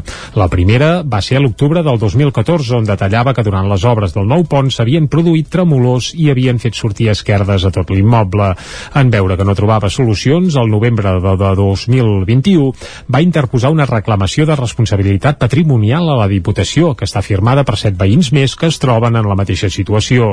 L'objectiu era rebre una indemnització de prop de 9.000 euros, alegant que els danys a la casa havien estat causats pel deteriorament de la carretera i pel pas de vehicles pesants. L'any 2015 ja va ser indemnitzat per la institució després d'interposar un recurs contenciós administratiu, en què es va determinar que els danys de l'habitatge sí que s'haurien pogut causar per les obres d'ampliació del pont. Ara la Diputació li ha desestimat la reclamació i Serradell està disposat a interposar un nou recurs contenciós. Manlleu estrena l'anomenada caseta de la biodiversitat. S'ha adequat a l'edifici que fins ara acollia el colomar per donar cabuda a diverses espècies autòctones essencials en ambients urbans com ratpenats o ocells. La caseta s'ha presentat en el marc de les activitats de la Setmana Ambiental de Manlleu. El Colomar de Manlleu, que havia funcionat com a tal des del 2007 al Passeig del Ter, s'ha reconvertit en l'anomenada Caseta de la Biodiversitat. L'edifici ha de ser un punt de refugi per a la reproducció i el descans d'espècies autòctones essencials en ambients urbans. Hi han habilitat espais pensats per ratpenats, ocells insectívors, mussols o òlives. Ho detalla Jordi Baucells, de l'empresa biodiversitat.cat. Aquí hi ha refugis de ratpenats, eh, hi ha eh, refugis d'insectes, no oblidem els insectes, la gran debacle mundial de la biodiversitat malauradament està liderada pels insectes, que és la base de la piràmide tròfica. Aquí ajudem els insectes, però també hi ha caixes niu per ocells insectívors, hi ha caixes niu refugis per òliva o gamarús, mussol comú, alguns, algunes parelles de coloms també s'hi poden quedar en equilibri amb aquestes altres espècies. Ells mateixos es aniran decidint qui ocupa cada forat L'empresa biodiversitat.cat és la gestora del projecte de la caseta que impulsen les àrees de medi ambient i salut pública de l'Ajuntament de Manlleu. Els objectius d'aquesta iniciativa tenen a veure amb eixos de treball més amplis com l'educació ambiental, la consolidació de les espècies autòctones o la lluita contra plagues i espècies invasores. Ho detalla Maria Josep Palomar, que és regidora de Salut Pública de l'Ajuntament de Manlleu sobretot de cara a la ciutadania perquè hi hagi una sensibilització i un respecte i un coneixement de la nostra di- biodiversitat i el nostre patrimoni natural que tenim aquí a Manlleu i sobretot avançar cap a aquesta idea de connectar la ciutat amb la biodiversitat, de buscar aquest equilibri i de fer una ciutat realment oberta al seu entorn, més re- renaturalitzada i molt més respectuosa. La caseta de la biodiversitat s'ha presentat en el marc de la Setmana Ambiental de Manlleu, que compta amb més activitats. Avui dijous, per exemple, l'aula de cuina del casal cívic Federica Montseny s'hi impartirà un taller de cuina de reaprofitament. Divendres, Albert Pedro farà una xerrada sobre els ocells que es poden observar al passeig del Ter i al cap de setmana hi ha previst també un taller familiar d'anellament d'ocells. Més qüestions. La cardedeuenca Núria Vendrell ha presentat a la Biblioteca de Cardedeu el seu primer llibre titulat Caixes plenes o buides. La publicació, que s'ha auto- autoeditat, la mateixa escriptora, ens ho acaba d'explicar Núria Lázaro des de Ràdio Televisió Cardedeu. L'autora està formada en Ciències Polítiques i Socials i exerceix com a mestra al taller d'escriptura creativa d'Òmnium Cultural a l'Eixample. El llibre que ha presentat és un recull de 20 contes que tenen com a fil conductor caixes de seguretat. Les caixes, però, al final són excuses per parlar de temes tan profuns com poden ser la bellesa, la solitud o la salut mental. Núria Vendrell. M'agrada molt el dels tres germans. Uh, és un conte molt treballat que la història inicial que jo tenia previst escriure em va sobrepassar i em va fer canviar la història i també m'agrada molt el conte dels dos amics, que és la història i el diàleg d'un mirall i un penjador amb el simbolisme que tenen cada un d'ells. Um, també m'agrada l'últim, que és el de plenitud, i que de fet dona la continuïtat i el colofó de tot el que és el llibre i els seus missatges. Els protagonistes dels diversos contes tenen nom de muntanyes en el cas de les dones i nom de riu en el cas dels homes. Ha volgut fer un homenatge a Cardedeu anomenant un personatge Mogent riu que travessa Cardedeu, hi ha un altre que és l'únic sense nom de riu, Hilari, en honor a l'ermita de Sant Hilari. Amb tots els exemplars venuts, Vendrell ha decidit destinar els diners obtinguts a l'obra social Llar de Pau, que ajuda dones excloses. Mig minut, perquè sí, un quart d'onze. Acabem aquí aquest repàs informatiu al territori 17, moment per la previsió meteorològica.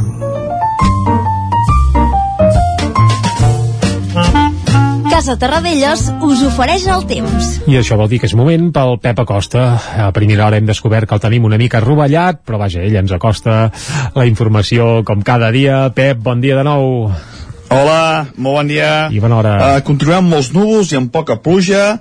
Avui també, uh, poder a tarda s'escapen quatre gotes a les nostres poblacions, però molt poca cosa.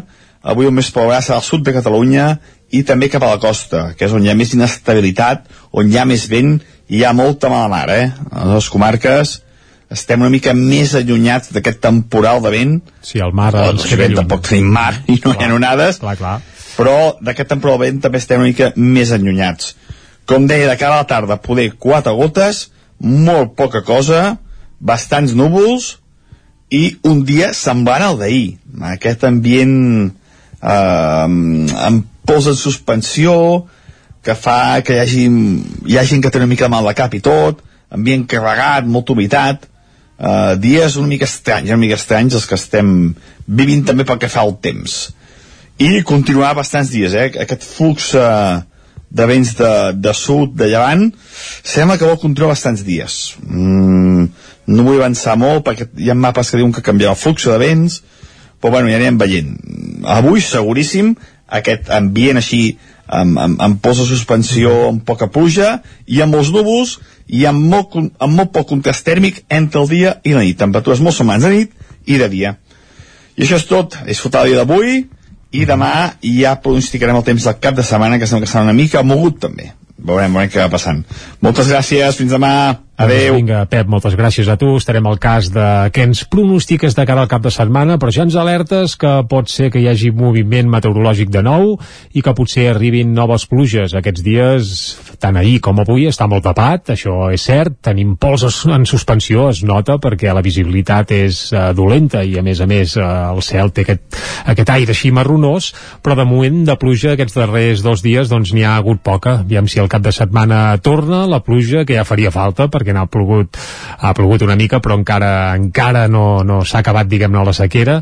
Doncs res, conclusió, estarem al cas i Pep, demà t'emplacem de nou aquí al Territori 17 i ens acostes tota la previsió de tot el cap de setmana. I de passada, eh, escolta, parlarem del Barça i tot, si cal, eh? Va, si cal. que no sigui res aquest vespre. Va. Vinga, i ara anem cap a l'entrevista que arriba Carnaval. Som-hi. Casa Tarradellas us ha ofert aquest espai. Territori 17. Envia'ns les teves notes de veu per WhatsApp al 646 079 023. 646 079 023. WhatsApp Territori 17.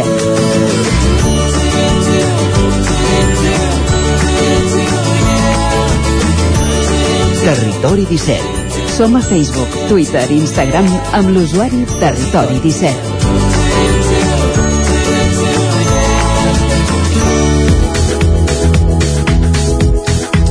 Passen 3 minuts de- d'un quart d'onze del matí. Entrem a l'entrevista avui per parlar del Carnaval de Centelles. De fet, Centelles celebra la gran rua del Carnestoltes aquest dissabte, però des de diumenge que es va fer el pregó, que ja estan de Carnaval, amb missatges diaris a les xarxes socials.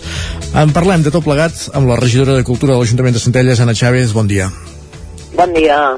Com està anant aquesta setmana de Carnaval, primer de tot? Bé, jo crec que molt positiu, l'arrencada amb el pregó que va fer en Guim i l'Arnau, i en les consignes doncs, hi ha un ampli seguiment de totes les escoles i jovent i algun atrevit eh, que també des de les botigues doncs, ens, ens segueix. Consignes és això, eh? Missatges diaris a través de, de les xarxes, diguéssim, per anar fent aquest caliu carnavalesc. Sí, per anar animant el carnaval i perquè, per evitar que, que ja està aquí. La, els nens ho esperen amb molta il·lusió aquesta setmana i les consignes doncs, per anar-se preparant. El fet de fer un carnaval a, a deshora, un mes més tard del que hagués tocat, diguéssim, ha influït d'alguna manera? Hi ha més ganes? Eh, S'ha refredat l'ambient? Quin és la- l'ambient aquests dies de Centelles? No, l'ambient està, estava refredat si ho haguéssim fet un mes abans. Uh, veníem d'un mes de gener amb molts molt confinaments, val? que això havia fet que la gent que construeix les carrosses i comparses haguessin quedat paralitzats. El gran motiu va ser quan parlant amb Torelló i Taradell, a part de poder-los fer continuats, el tema doncs, de que la gent que havia estat confinada anava tardíssim per poder sortir i va ser un motiu principal d'allargar-ho un mes més. Si no, la participació hauria estat molt, molt més baixa. Està clar, per tant, va ser una cosa consensuada entre aquests carnavals que, que comentaves, eh? de- d'endarrerir un mes tota l'activitat. Comença Centelles aquest cap de setmana, vindrà a Torelló, acabarà a Taradell, el mateix cap de setmana que Roda i Hostalets. L'idea és aquesta, eh? fer una cosa ja amb visió de comarca, en aquest sentit. Sí, a, Tar- a Taradell, Torelló, Centelles vam tenir diverses converses fins que Torelló va decidir doncs, ja aplaçar-ho i nosaltres doncs, ens vam veure arrastrats però a més a més teníem eh, la demanda de, la, de les carrosses i les comparses ja de poder-ho retrasar perquè anaven justíssims Uh, uh, com dèiem, la rua serà dissabte, demà però ja hi ha el carnaval a les escoles, diguéssim. Quina, quin serà el programa de, de demà d'aquesta activitat? Uh, el- el- L'activitat és tot al matí, hi ha rua, el que sí que abans de la pandèmia fèiem ball a la plaça, val? per tal de vigilar de no barrejar diverses escoles i grups, el que es fa a és per, uh, des del de, carrer Rodolf Valla fins travessant tot el centre, que així tots els nens puguin gaudir de la rua de carnaval seva, que, que en tenen moltes ganes i de sortir amb les seves disfresses. Vull dir que el tema és no aglutinar molta gent a la plaça, però així pactat amb els centres educatius. Molt bé. I com dèiem, dissabte la Gran Rua, a partir de les 5 de la tarda la concentració de carrosses i comparses. Per ara mateix ja hi ha inscrites un volum de, de carrosses i, comparta, i comparses que comporta uns 700 participants. No sé si creus que aquesta xifra pot créixer encara. Uh, dèiem, de, que optin a participar pot créixer amb els individuals o algú que es pugui apuntar en l'últim moment. Podem arribar a 100 persones, 150 més, uh, tot i que hem disminuït. L'últim any havíem arribat quasi als 1.000 participants. Evidentment n'hem baixat, hi ha algunes carrosses que no surten, però segueix sent, un, segueix sent molt actiu. La participació és alta pel moment que sortim. Per quin motiu no surten aquestes carrosses? Per exemple, ens fixem en el cas de, del Purgatori, que al més li tocava portar el Carnestoltes, què, què els ha fet decidir aquest any a, no sortir? També va derivar, ve derivat de la pandèmia, per entendre'ns? Mm, segurament hi ha una part de pandèmia i l'altra és segon un tema intern seu de funcionament uh, que, que han anat tard vull dir que han anat tard i, i sempre uh, allò faltaven mans molt possiblement Uh, llavors, tenint en compte totes les mesures uh, de, de pandèmia, uh, quina, com, ha fet, com ha afectat això en tot el que és la programació de, de la Rua? Tenim entès que la festa acabarà més d'hora, o l'idea és que a les 12 de la nit s'hagi acabat l'activitat. Com s'ha plantejat tot plegat? Ja, en, en el moment de fer el traspàs nosaltres ja teníem muntat el, un carnaval pensat molt en pandèmia. Sí que fins i tot el finalitzàvem a les 10 de la nit perquè en aquell moment l'oci nocturn no estava, no estava permès fa un mes enrere. Passa que sembla que, que faci molt i estem parlant de fa un mes enrere. Uh, però uh, el tema és doncs, que no ho hem modificat hem mantingut el programa que teníem i de cara a l'any que ve ja treballarem doncs, per tornar a fer buscar un grup amb temps com es havia fet últimament potent per fer el ball de carnaval Com dèiem, concentració a les 5 de la tarda, eh, al costat de, del casal de la gent gran, de la residència, volem dir, i a partir d'aquí quin és el recorregut d'aquesta rua? sortida de Torres i Bages, Font del Marçó, Camp de l'Aigua, passem pel passeig, vegem per al carrer Marquès Penya Plata, al pavelló, i arribem al pavelló. És una rua uh, un xic més curta per carrers molt més amplis. Fa dos anys ja ho vam canviar-ho perquè hi ha una aglomeració de gent que feia perillós el trànsit de carrosses per al centre, el centre és molt tancat, i vam buscar doncs, recorreguts més amplis. Hi ha alguna recomanació per la gent que vingui a veure-ho pel tema d'evitar aglomeracions, etc. Evidentment portar la mascareta, això és obvi, però no sé si hi ha alguna previsió més, diguéssim. Mm, no, sobretot és allò, el punt on hi ha més aglomeracions és el passeig, val? la gent doncs, que, que vulgui evitar aquesta aglomeració té tot el tram del Marquès Penyaplata, que les, les voreres són molt amples, i això permetrà doncs, que la gent s'extengui des del passeig fins, fins a l'estació i és un bon lloc per veure-ho i ja no és el, evitem mm, carrers estrets que, que puguin evitar aquestes aglomeracions. Evidentment, la gent de les comparses eh, també es mantindrà més, més distància entre comparsa i comparsa. Intentarem doncs, que les aglomeracions siguin les mínimes. Mm -hmm. Molt bé. Uh, comentaves això, que la rua acaba al pavelló. Immediatament un cop acaba ja es fa el lliurament de premis o quin, quina és la previsió? Sí, uh, aquest any uh, calculem que sobre les 10 i mitja, un cop acabada la rua, ja ens quedem a sopar amb botifarres i tot a l'entorn del pavelló, o sigui, en cas de pluja seria dins del pavelló, i uh, ja entregarem els premis. Això també era una demanda de que la gent entregava els premis a la una o les dues de la nit i el públic infantil no podia gaudir de, de l'entrega de premis. I és una manera que mentrestant sopen a, a nivell familiar doncs també poden optar a veure l'entrega de premis. Doncs Centelles cobra el calendari dels grans carnavals de la comarca d'Osona aquest cap de setmana. Amb aquesta rua dissabte on ja s'hi hauran moltes, algunes de les carrosses que, que de fet recorreran per aquestes tres grans cites que comentàvem, Centelles, Torelló, Taradell eh, i alguns d'altres de paral·lels, evidentment, però que, com dèiem, ja els podrem començar a veure desfilar a partir d'aquest dissabte a Centelles. N'hem parlat amb la regidora de Cultura de l'Ajuntament, l'Anna Chávez, que ens explicava l'actualitat de la- l'última hora d'aquesta 41a edició del Carnaval de Centelles, que se celebra, com dèiem, des de diumenge, que es va fer el pregó amb aquests missatges diaris a les xarxes socials i que culminarà amb la, amb la gran rua dissabte. Anna Chávez, moltes gràcies per ser avui al Territori 17. Moltes gràcies a vosaltres Bon dia. bon dia I ja que parlem de carnavals, recordem que si aquest cap de setmana arriba a Centelles, el que ve arribarà el de Torelló, dijous Pollasso, divendres Senyoretes i Homenots, dissabte la Gran Rua de Carnestoltes i per eh, rematar els tradicionals eh, carnavals grans a Osona, doncs el cap de setmana següent n'hi haurà a Taradell, com ja apuntava la mateixa Anna Chávez, i també a Roda de Ter, una I mica el cicle de hostalets- i els carnaval. de Balanyà i... En fi. Bé, en canvi hi ha algun poble més petit que ja l'han fet, eh? Sí, Recordem que Sant Quirze i mantingut els- Montesquieu l'han fet, a Folgueroles l'han fet, eh, alguna cosa ja s'ha fet, però la gran... Però sí que és veritat que els que concentraven més volum de gent, perquè això és una tendència que hem vist a tot el territori 17, que ja s'han anat fent els carnavals, però els que concentren en gran volum de gent, que segurament són aquests tres que hem anomenat ara, els han endarrerit un mes, perquè és això, quan s'havia de decidir si tiraven endavant o no, estem, a- estàvem en plena sisena onada. I tant que sí. Doncs va, ara estem a punt d'anar a publicitat i tornem després a dos quarts en punt eh, aquí, amb, Amb les privades, taula de redacció i el que convingui. Va, fins ara Vinga. mateix. El nou FM, la ràdio de casa, al 92.8.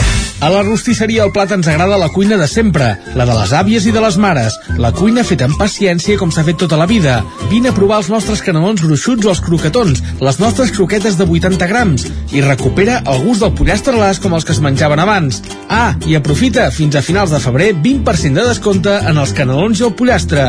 Rostisseria El Plat, encàrrecs fins a les 12 del migdia i servei a domicili. Ens trobaràs de dijous a diumenge al carrer Església número 6 de Taradell o al 93 135 58 85. Cobertes serveis funeraris. Els nostres tanatoris estan ubicats en els nuclis urbans més poblats de la comarca d'Osona per oferir un millor servei. Tanatori de Vic, Tanatori de Manlleu, Tanatori de Centelles i Tanatori de Roda de Ter. Sabem que són moments difícils i per això el nostre compromís és atendre-us en tot moment amb un tracte humà, sensible i respectuós. Cobertes serveis funeraris. Telèfon 24 hores 93 883 23 46. Del 13 al 20 de març torna el Carnaval de Centelles. Diumenge 13, tret de sortida amb el pregó de Carnaval i durant tota la setmana segueix les consignes esbojarrades del rei Carnestoltes cada matí a través de les xarxes socials i la web de l'Ajuntament. El divendres 18 de març, Rua de Carnaval de les escoles i dissabte 19 de març, Gran Rua de Carnaval a partir de les 5 de la tarda amb lliurament de premis i festa fins a les 12 de la nit. Del 13 al 20 de març, no et perdis el 41è Carnaval de Centelles. Ja tens la teva disfressa? Carnestoltes a Manli. Vine i demana'ns la disfressa que vulguis. Trobaràs un món de fantasia en disfresses i complements per al Carnestoltes. Hi ha uns preus especials.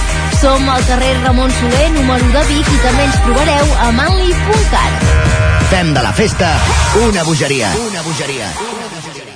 Anuncia't al 9FM. La màquina de casa. 9 3 8 8 9 4 9 4 9. Publicitat arroba al 9FM.cat. Anuncia't al 9FM. La publicitat més eficaç. Cocodril Club. Si t'agrada la bona música dels anys 60, 70 i 80, escolta el 9 FM als matins de dissabtes i diumenges d'11 a 1. És el temps del Cocodril Club, tot un clàssic de la ràdio, amb les bases del pop-rock, les llegendes, les cançons que s'han convertit en autèntics himnes. Recorda, dissabtes i diumenges al matí, d'11 a 1, al 9 FM 92.8. Cocodril Club, el programa revival de l'Albert Malla. Hasta luego, cocodrilo. El 9 FM, el 9 FM, el 9 FM, el 9 FM, el 9 FM. En punt al territori 17, dos quarts d'onze.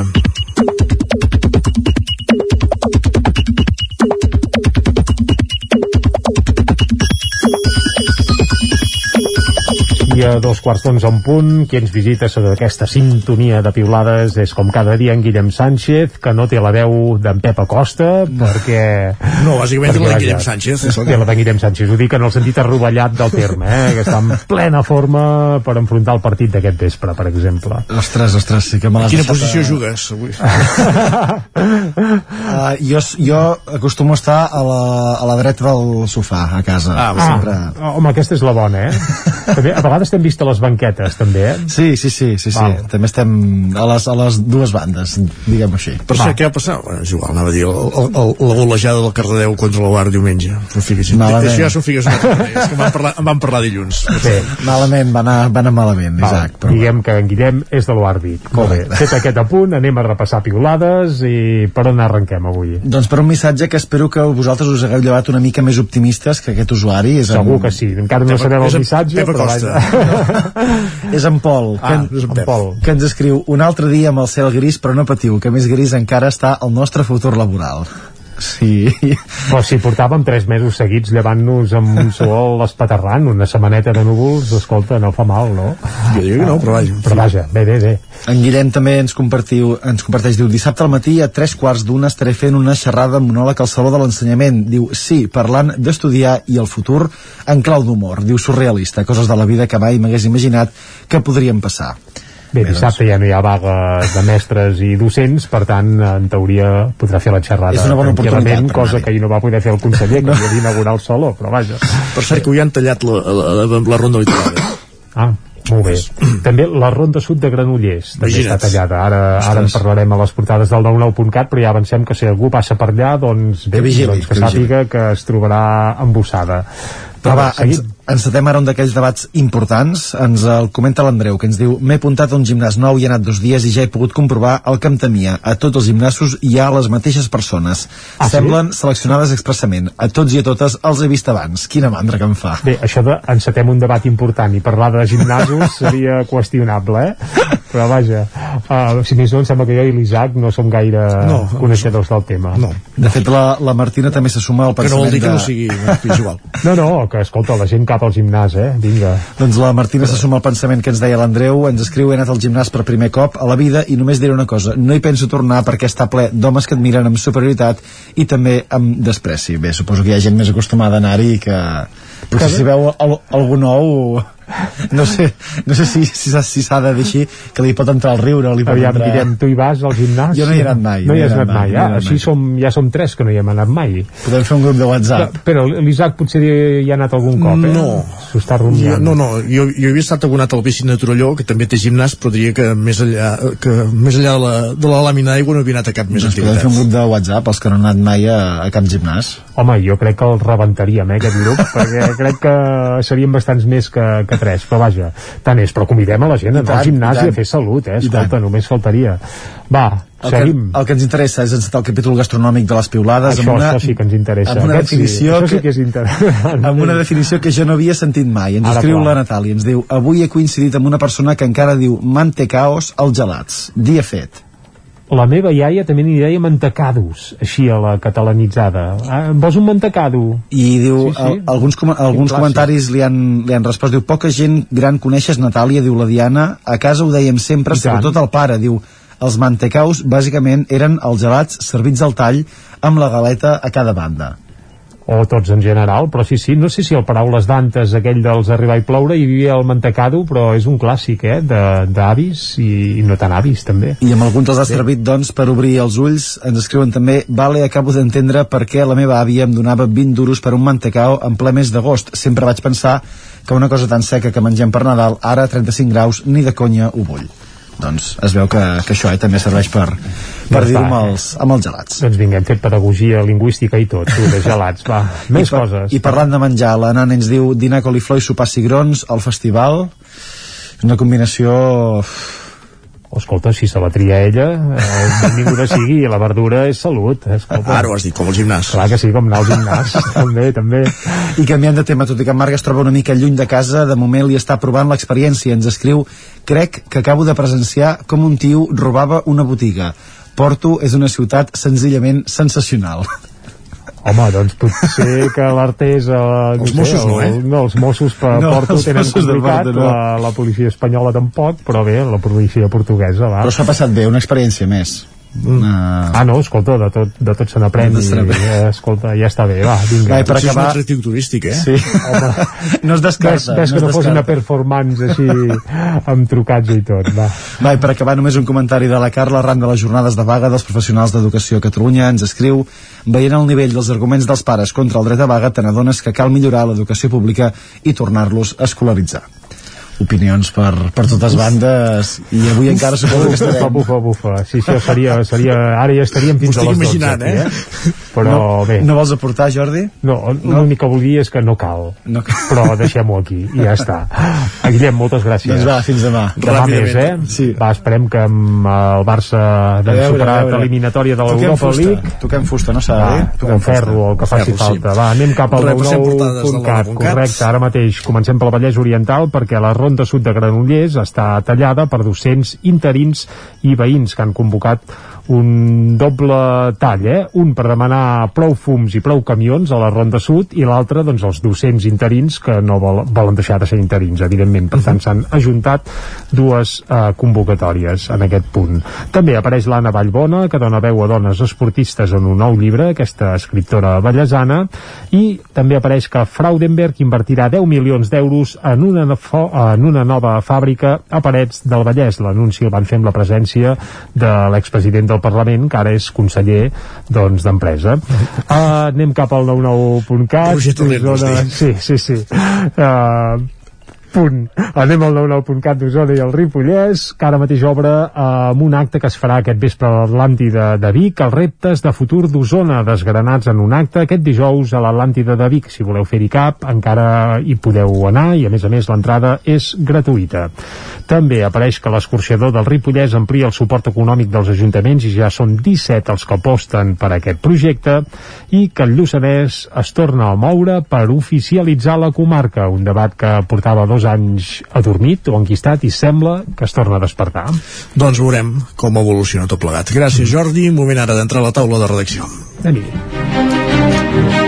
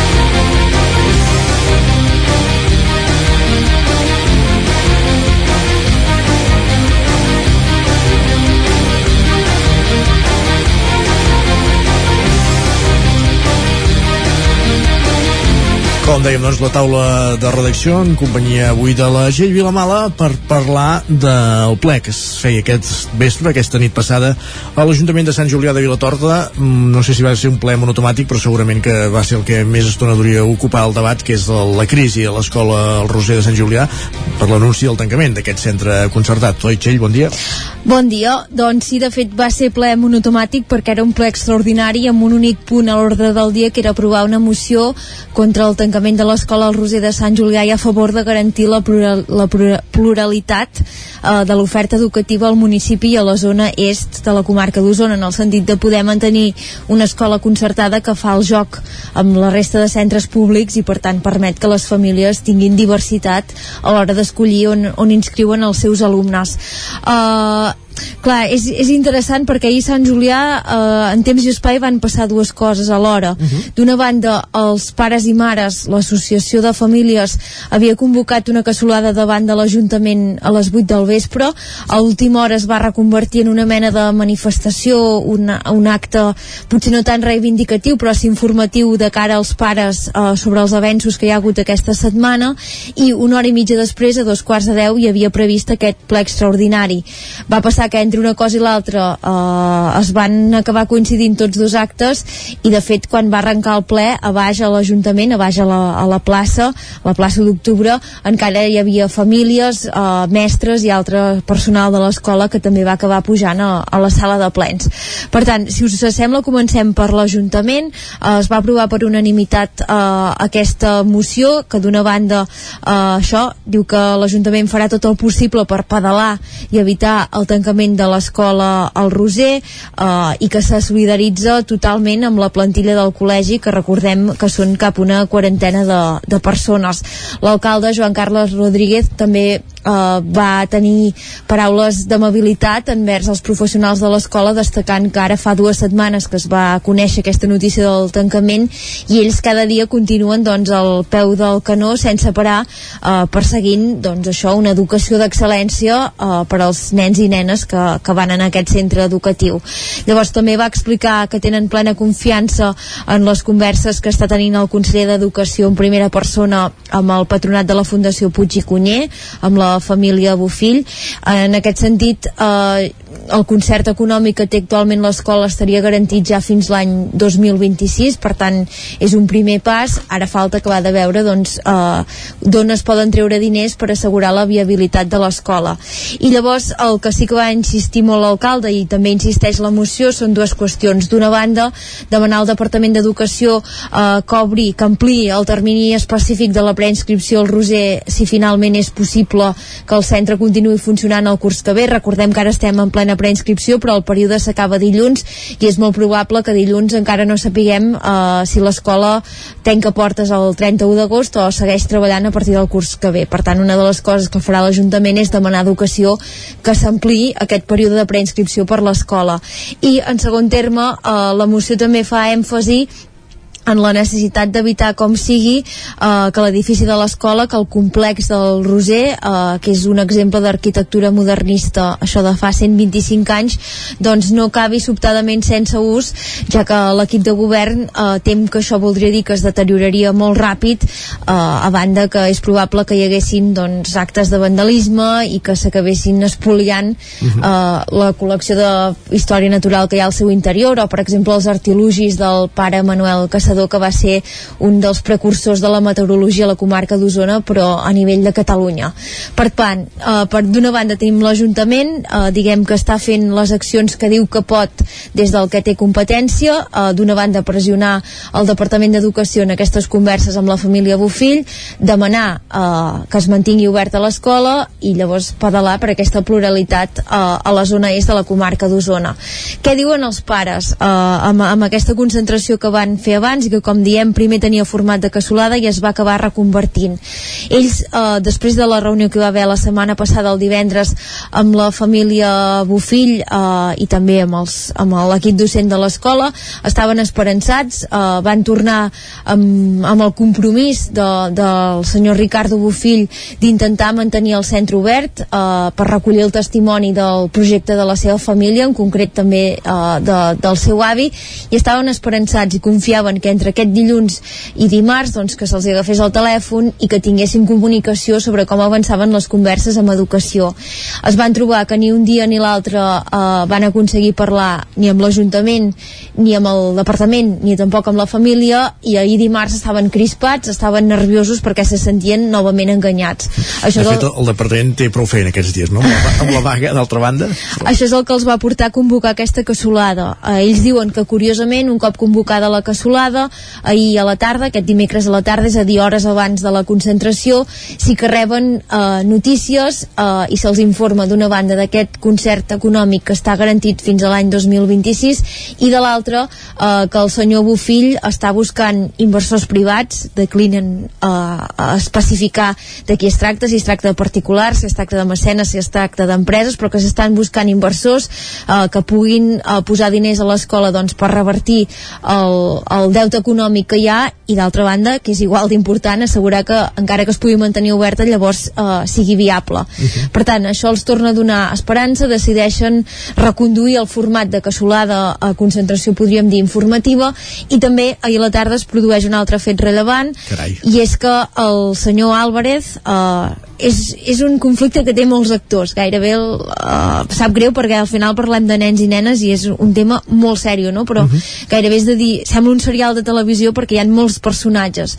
Aleshores ara tenim també uh, la família Álvarez uh, que és qui s'ocupa de la gestió uh, la gerència, la, la gestió més executiva no? més enllà del, del, del caire pedagògic de l'escola uh, que fins ara no s'havia pronunciat. De, de fet ells havien sigut l'asa dels cops sobretot per part de l'Ajuntament que des del principi que va esclatar el conflicte va dir que el problema havia estat una mala gestió continuada uh, de molts anys, no de temps recent.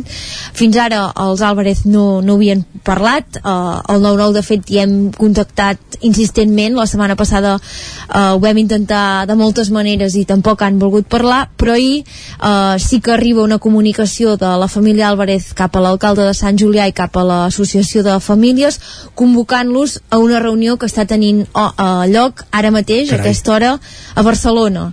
Per tant, veurem eh, quina és la posició ara de la família. Eh, pel que ens explicaven ahir des de l'AFA sembla doncs, que també es posen a remar conjuntament eh, per buscar finançament i poder mantenir l'escola oberta. Més eh, dubtes, més incògnites que certeses. Eh, passa que sí que es va escurçant el temps com diem la preinscripció s'acaba dilluns eh, i entenem que no molt estirar doncs s'ha re- de resoldre definitivament per bé o per malament uh, continuï o no continuï però el que demanen les famílies al final és, és certesa uh, i desencallar-ho de- d'alguna manera. i tot això Isaac, un últim apunt. Recordant que fa dues setmanes que va arribar aquesta carta anunciant el tancament i tant l'Ajuntament com l'AFA ens diuen que ells uh, encara no tenen cap document uh, on hi hagi els comptes dels últims anys de la Fundació Privada Puig i Cunyer uh, o una auditoria externa. No saben de quines xifres estan parlant uh, per saber si és possible o no mantenir l'activitat a l'escola. Per Potser tant, també aquesta reunió d'aquest matí se saben. seria important no? saber de què, par de què parlen, de què parlem, uh, llavors també per entendre per què s'estan explorant unes vies i no unes altres. Doncs ho anirem seguint. Moltíssimes gràcies, Txell, per ser un dia més al Gràcies, Territori 17. bon dia. Bon dia. I ara sí, el Territori 17 continua i ens n'anem cap a la plaça.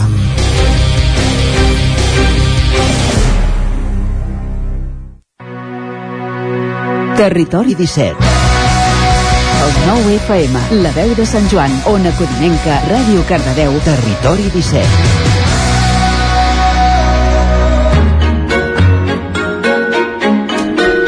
12 minuts perquè siguin les 11, entrem a la plaça. Ja ho sabeu, l'espai que cada setmana ens porta la Maria López des de Ràdio Televisió Cardedeu en companyia d'11.cat sobre la nova economia. Avui per parlar de macro tendències econòmiques. Maria, bon dia. Bon dia i benvinguts un dijous més a la plaça, aquest espai terrenal on intentem fer comprensibles per tothom els grans dilemes i conceptes de la nova economia, gràcies a les companyes d'11.cat.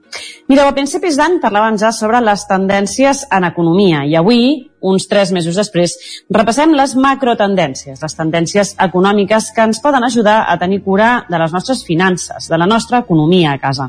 I per fer-ho, avui comptem amb la Gemma Vallet, que ella és directora d'11 District. Bon dia, Gemma. Bon dia, Maria. Gràcies per convidar-nos. Una setmana més ens ha encantat tenir-te aquí. Escolta, setmana rere setmana, tu i jo quan estem allà a l'estudi sentim a l'Isaac, no?, que ens arriben les notícies des de fora, que ens informen d'una nova oficina que ha tancat eh, una nova oficina bancària que ha tancat. No? La banca ha continuat tancant oficines, s'estima que més de 2.000 oficines amb l'impacte que això significa a nivell d'atur i, i també de servei d'atenció al client. Creus a nivell això de tendències, anirem a més o això s'estabilitzarà una miqueta? Uh, la tendència mm, és que va més i s'estabilitza a que hi haurà cada cop menys oficines d'atenció al client com les que coneixíem. Això està claríssim, no? Hi ha hagut una, un, un pas a, una, a adoptar la macrotendència de la digitalització per part de la banca tradicional i això que ha fet que estan accelerant la, el, oferir un servei totalment digital, eh, telemàtic. I el que passa que per què no s'atura? Perquè la banca està fent el, els seus números i els seus números vol dir que sí o sí es digitalitzen, que estalvien diners amb atenció al client i per tant el que hem de fer és intentar eh, totes les altres companyies que estem a dins de l'ecosistema de, de finances eh, ajudar a donar un servei a la gent sí? i aquest servei el que hem de trobar solucions innovadores no? Però no esperem que aquest servei ens vingui des de la banca tradicional. Hi ha casos molt, molt excepcionals, que és, per exemple, el cas de Bank Inter, que ho he de dir, eh, que és un, una banca tradicional que ha mantingut a les seves oficines obertes i continuarà, no sé sap fins a quan, donant un servei que entenem de tradicional, amb el qual jo vaig a, una, a un espai físic i trobo una persona que m'entén. Sí? Tu i jo, de fet, ho hem parlat moltes vegades, no? que és d'aquelles coses, el tema del tancament d'oficines, que potser ja estaven destinades a passar, però que coses com la Covid han accelerat d'alguna manera, no?, també. Exacte, exacte. Uh, ara per ara tenim coses que s'han accelerat. Eh? En tots els temes que hem anat parlant, que m'agrada molt que, que els hagin tocat perquè de cop i volta és que eren tan reals, saps allò que acabàvem de fer el programa i era tan tan evident que estava passant i ara que ens hem trobat de, de que la Covid ha accelerat la, la digitalització perquè la gent sí o sí s'havia d'acostumar a, a fer servir eh, els serveis, valga la redundància, d'una forma digital perquè d'una forma presencial era quasi impossible. També el que hem de tenir en compte és que el que estem davant és d'una bretxa digital, no? de coneixement de, de les eines. Llavors, quina és la resposta aquí? Ha de ser la banca segurament la banca la que està, diguem-ne, impactant a donar un servei a persones que han posat tota la confiança en tu i han deixat de donar aquest servei, és que hi ha una responsabilitat ètica, sí? moral. De, sí o sí has de donar aquest servei. Sí? Com? Uh, quan posen les piles, sí? o sigui, incorpora una solució que potser no, ha, no ha de ser totalment uh, presencial, però pot ser híbrida, no? Llavors jo per aquí diria que la solució ha de passar una per reclamar aquests drets tu com a consumidor, si o si t'han de donar aquest servei, perquè parlem d'una cosa molt sèria que són els teus diners, i per l'altra part és que les empreses eh, comencin a adoptar solucions innovadores. No?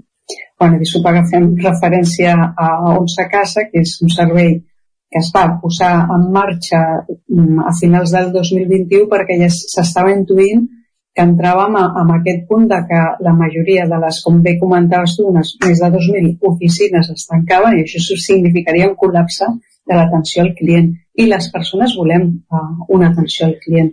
O la solució on s'agassa al final el que és és una solució híbrida que tu entres en una web, reserves hora amb una persona i estem parlant uh, cara a cara, ens veiem les cares, no? I això realment és important. No veig la cara d'un avatar, eh? que això hi dedicarem més endavant a un tema només de per parlar, per exemple, del metavers, no? O sigui, hi haurà un punt amb, amb el qual doncs, no sabrem molt bé quina és la persona que està davant parlant, però ja arribarà. Ara el que, ens, el que hem de passar és aquesta transició de la, la bretxa digital i ajudar les persones a que arribin a, a tenir aquest servei. S'estan donant, eh, hi ha casos eh, que fins i tot els ajuntaments estan cas de l'Ajuntament de Barcelona recentment estan posant en marxa doncs, telèfons d'atenció per suplir aquesta mancança d'atenció dins dels bancs. Es va demanar a finals del 2021 que els, els bancs posessin els quioscos digitals dins de, per exemple, els centres cívics, etc. No? Hi ha tota una sèrie de solucions que ara, donat que la banca no els està donant, mm, al final els ha de donar altres, altres agents, eh? siguin institucions o siguin companyies. Repetir que ha de ser una cosa que èticament ha d'assumir la pròpia companyia que, que es va comprometre a donar aquest servei, no? No, està clar, i a més l'altre dia que parlàvem també de la, de la generació Z i, de les, i dels hàbits de consum, està clar que ells estan, aquesta generació està molt preparada, però, com bé deies, no, hi ha una bretxa digital on la banca d'alguna manera s'ha de fer responsable, entenc, de, de seguir donar aquesta atenció al client tot tinguis l'edat que tinguis, no? I tinguis els costums eh, de, de consum i, i les habilitats amb les noves tecnologies que tinguis i això és un altre, un altre tema i aquesta tendència cap al tancament d'oficines s'haurà de vigilar molt, molt això. Una altra prova de les tendències que vam comentar quan vam fer aquesta xerrada a principis d'any va ser la de com minvava la capacitat de compra de les persones. Les persones. Expliquem una mica aquest punt de nou, perquè estem en una de les inflacions més altes de la història, o quasi, eh, però no sé si arribem a tenir un risc d'hiperinflació. Què significaria això per la gent de peu de carrer? No, si, si et sembla primer el que expliquem una miqueta que és la hi- hiperinflació. Per favor. Que jo ara he quedat com molt guai, perquè ja m'es- m'estic habituant molt al, al, al vocabulari econòmic gràcies a vosaltres, però sí, comencem d'una manera baixant aquesta, aquest vocabulari a la, a la base terrenal, diguéssim. Sí, uh, sí la, la hiperinflació, ja quasi de, definida per la pròpia paraula, al final el que és és una inflació molt, molt elevada i que es descontrola. Els preus augmenten ràpidament i al mateix temps la moneda per, perd el seu valor. Mm? I la població, per tant, el que té és una reducció de, de la teva capacitat de compra i del teu uh, patrimoni mon- monetari. Llavors, normalment els economistes parlen d'això com si fos un cicle inflacionari i sense tendència a l'equilibri. Eh? Llavors, és com a vegades veiem què succeeix? Que el que és a Espanya no ha tingut uh, una hiperinflació, saps? O sigui, ho veiem que, per exemple, Turquia ho va tenir, uh, els països latinoamericans també ens sentim parlar de la hiperinflació, que és aquell moment en el qual tu tens un, un diner que és com paper mullat, no? que per molt que imprimeixin no serveix de res. Llavors, hi ha risc d'hiperinflació. El que sí que tenim uh, risc, que ja està començant a succeir, el que es diu és la és estaflació. Val? Llavors, posem una altra nova paraula per tots nosaltres, que és la estaflació. Estafacció, això necessito apuntar-m'ho, eh? L'estaflació, el que és és una situació econòmica greu, encara que jo somrigui, però és perquè ja saps que m'agrada somriure, és una situació econòmica d'un país que es ca- caracteritza per un estancament econòmic i que persisteix, persisteix a més a més aquest estancament econòmic.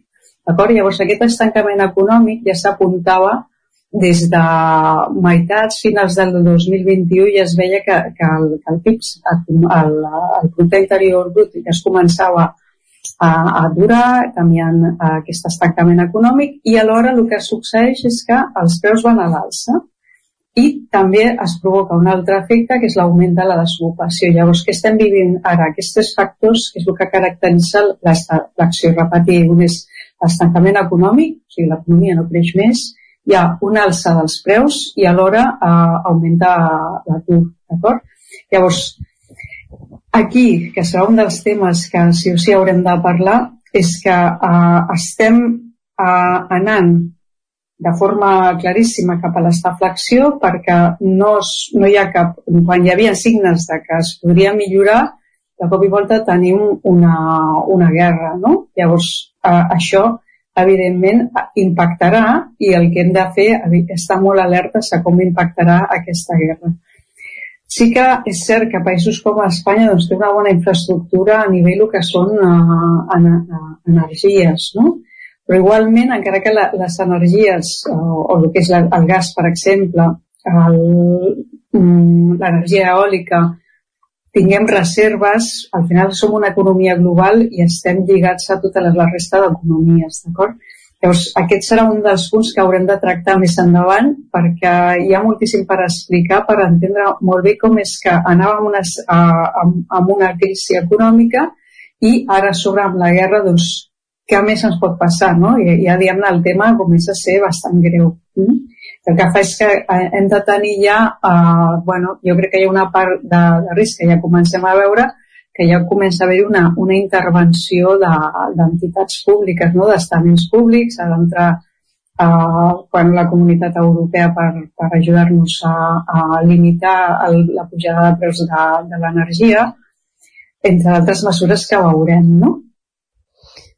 Un dels, dels temes que també va sortint de manera, de manera habitual sempre que, que estem a la plaça i que ara anaves parlant de diferents conceptes no? que sempre ens costa doncs, intent- intentem aterrar-los a donar aquest vocabulari és que en gran part la manera de solucionar alguns dels temes econòmics passa, passa per entendre, entendre precisament la nova economia o aquests conceptes de, més de macroeconomia, ara com per posar per exemple el, el, el tema de la guerra com a exemple.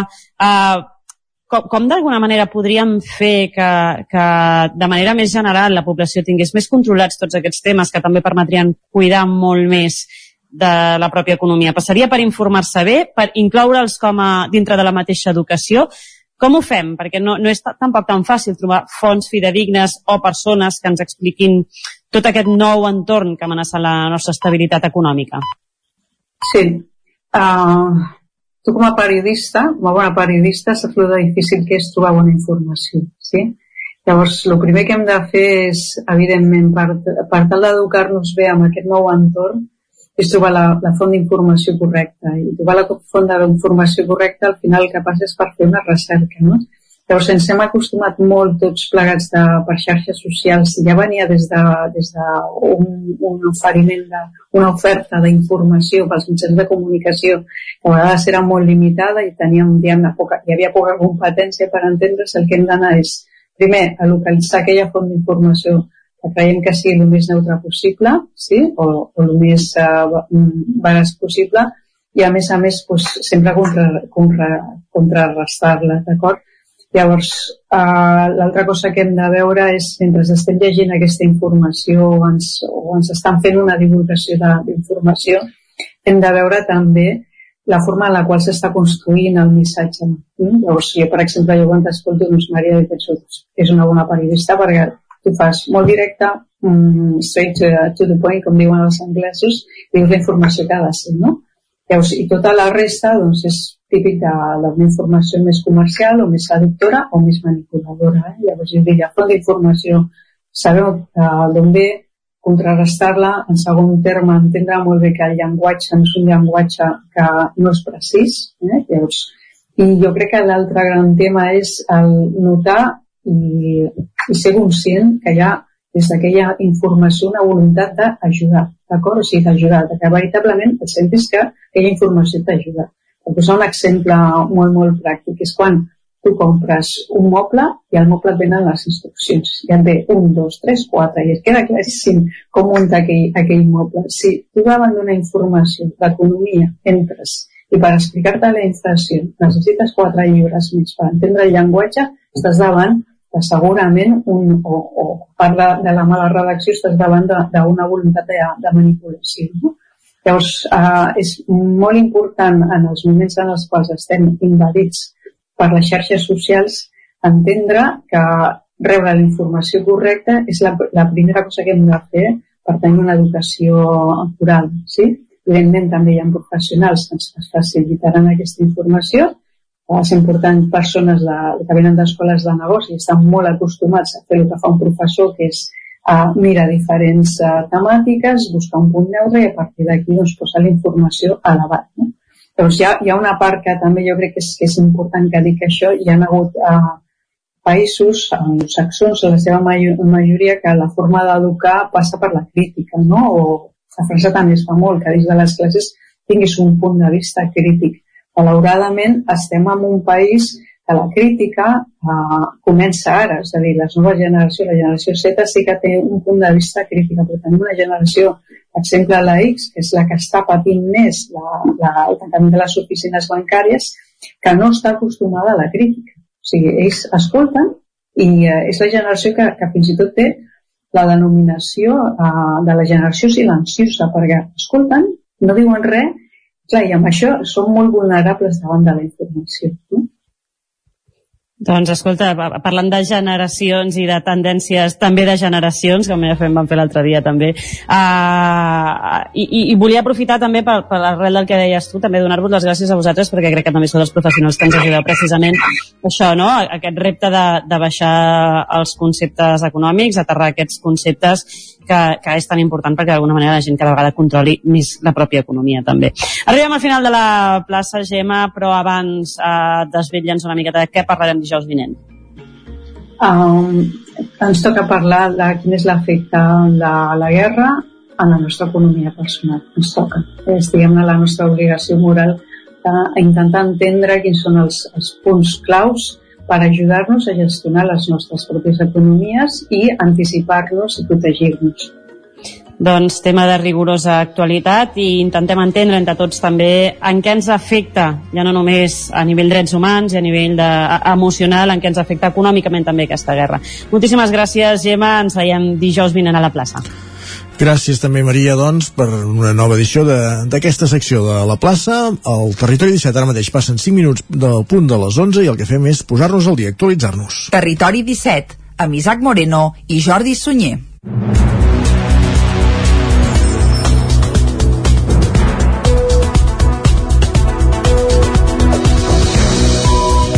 Fem amb les notícies més destacades de les nostres comarques, que avui, tercera jornada de vaga de mestres i professors. Ahir, el conseller d'Educació, Josep González Cambrai, va cedir en alguna de les reivindicacions i va anunciar que els centres que ho vulguin podran mantenir el currículum al curs que ve.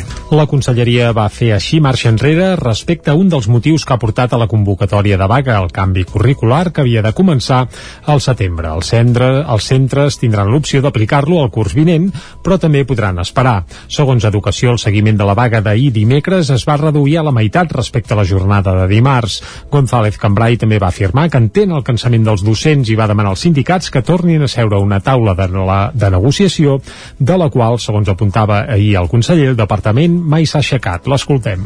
Les dades del seguiment mostren clarament mostren un, un cansament per part dels mestres i per tant volem, tenim i tindrem en compte uh, aquesta realitat, aquesta percepció i aquesta, aquesta vivència de, de cansament. Els convocants de la mobilització segueixen demanant la dimissió del conseller, a qui acusen de no voler parlar amb els docents i reclamen diàleg per abordar les mancances que detecten en el sistema educatiu. Escoltem a Esther Plans, delegada sindical i de salut d'USTEC a la Catalunya Central. que els nois i noies tinguin la qualitat educativa que es mereixin, que estiguin ben tractats i també alhora que nosaltres ens sentim valorats com a treballadors, que ho veiem molt improvisat i sense discutir-ho amb la comunitat educativa. Bàsicament demanem diàleg per fer millorar l'escola pública catalana. Entre les principals reclamacions hi ha una inversió del 6% del PIB català en educació, quan en l'actualitat no arriba al 4%.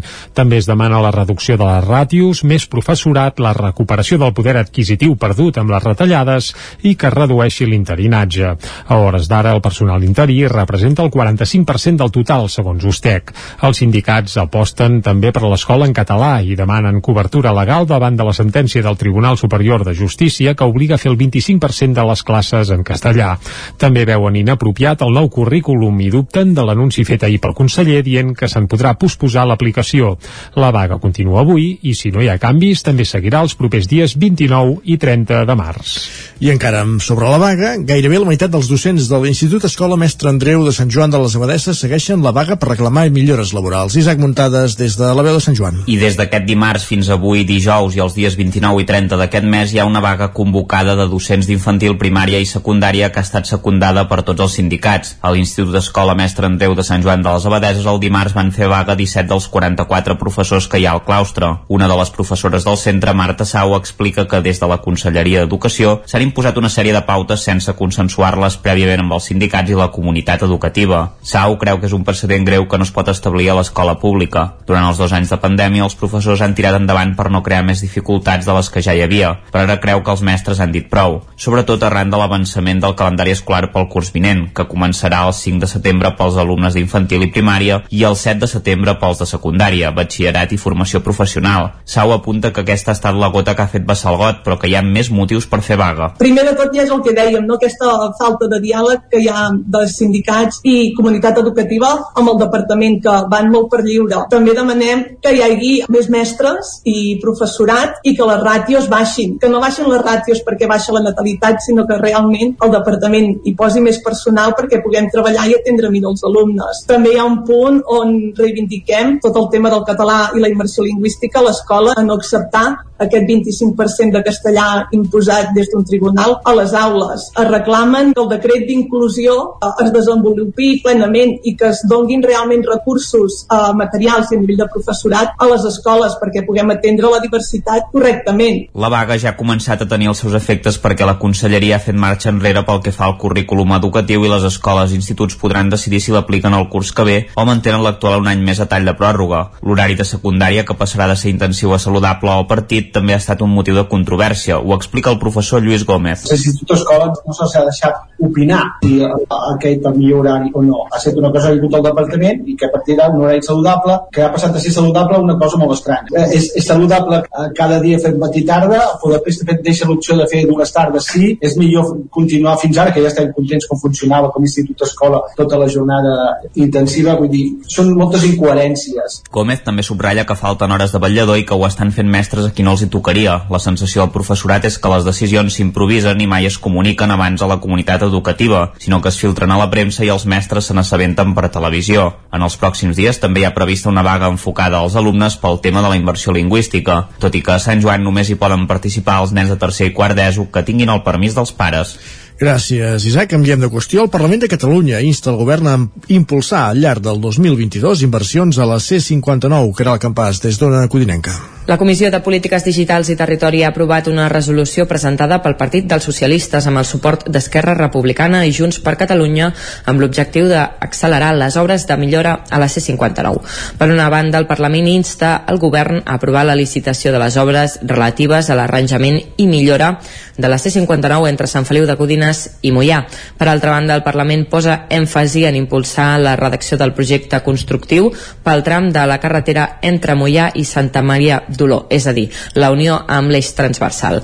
Mireia Dioniso és diputada pel Partit dels Socialistes. demana dues coses essencials. Una és que aquest any 2022 es licitin ja les obres de millora entre el tram de Sant, Fel, de Sant Feliu de Codines a, a Mollà i per tant que hi hagi compromís que durant aquest any 2022 es licitin les obres de millora de seguretat i en segon lloc aquesta trans transacció també fa referència a que cal impulsar ja la redacció també de millora del tram entre eh, Mollà i la C25. Per la seva banda, el govern de la Generalitat havia manifestat la intenció de començar les obres en el tram entre Mollà i Sant Feliu a l'estiu d'aquest any.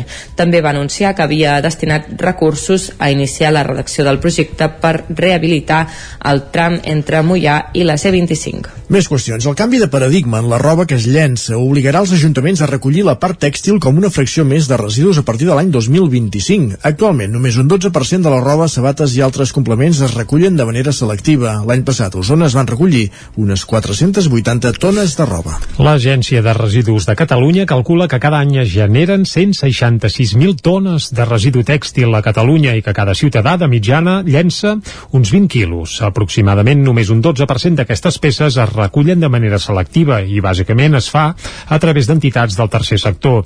A Osona qui ho fa és sobretot a l'associació Tapís que treballa amb roba amiga i l'any passat va rebre 355 de les 480 tones de tèxtil que es van recollir a tota la comarca. La fracció de roba i complements, als quals se'ls pot donar una segona vida, encara és molt petita i a l'horitzó, a més, hi ha una data clau que obligarà a implementar canvis en la gestió dels tèxtil, ho explica Mireia Ribas, que és gerent de l'associació Tapís. El 2025 s'implementa la llei europea de, del tèxtil, la gestió tèxtil entre altres fraccions de residus, doncs el tèxtil passa a ser una fracció um, més dintre de, de la recollida selectiva, per tant passa a ser obligatorietat de l'administració pública recollir aquesta, aquest residu hi ha uns percentatges que hem d'anar complint i això també hem d'estar fent tant des de l'agència de residus com les empreses d'inserció que estem treballant amb aquest, amb aquest eh, sector posar-nos les piles a intentar d'alguna manera poder garantir aquesta recollida no? A l'establiment que el tapís té a la plaça dels Màrtirs de Vic només hi va una part molt petita de la roba recollida.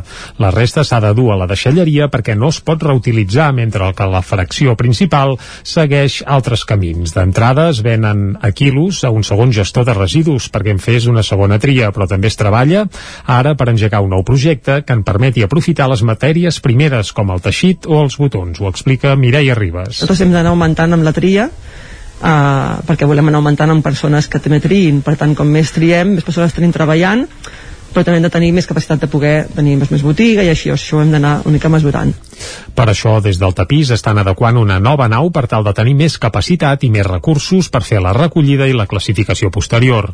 Es calcula que el 40% de la roba que els ciutadans tenim als armaris no s'utilitza en tot un any. Les vuit muntanyes de Paolo Cognetti va ser el llibre protagonista de la darrera tertúlia literària a la Biblioteca Marc de Vilalba de Cardedeu. Núria Lázaro, des de Ràdio Televisió Cardedeu. Les vuit muntanyes és una novel·la única sobre l'amistat, la llibertat i la relació entre pares i fills i el poder de la naturalesa. Una oda a tots els amants de la muntanya, element vertebrador d'aquesta commovedora història. Pietro i en Bruno forgen una profunda amistat, però amb els anys els camins dels dos amics se separen.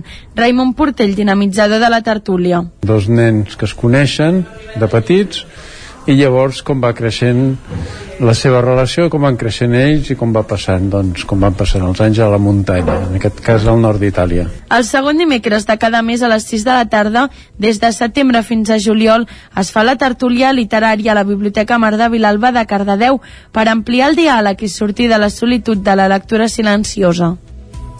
Gràcies, Núria. Acabem aquí aquest repàs informatiu que començàvem quan passaven uns minuts de les 11 del matí en companyia de Jordi Sunyer, Núria Lázaro, Isaac Muntades i Caral Campàs. Moment ara al territori 17, de deixar les notícies enrere, deixar l'actualitat enrere i ens endinsem a l'alegria interior.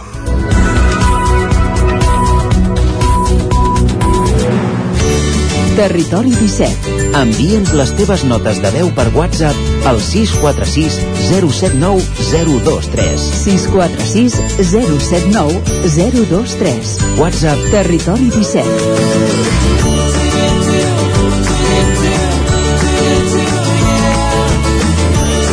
Territori 17. Som a Facebook, Twitter i Instagram amb l'usuari Territori 17.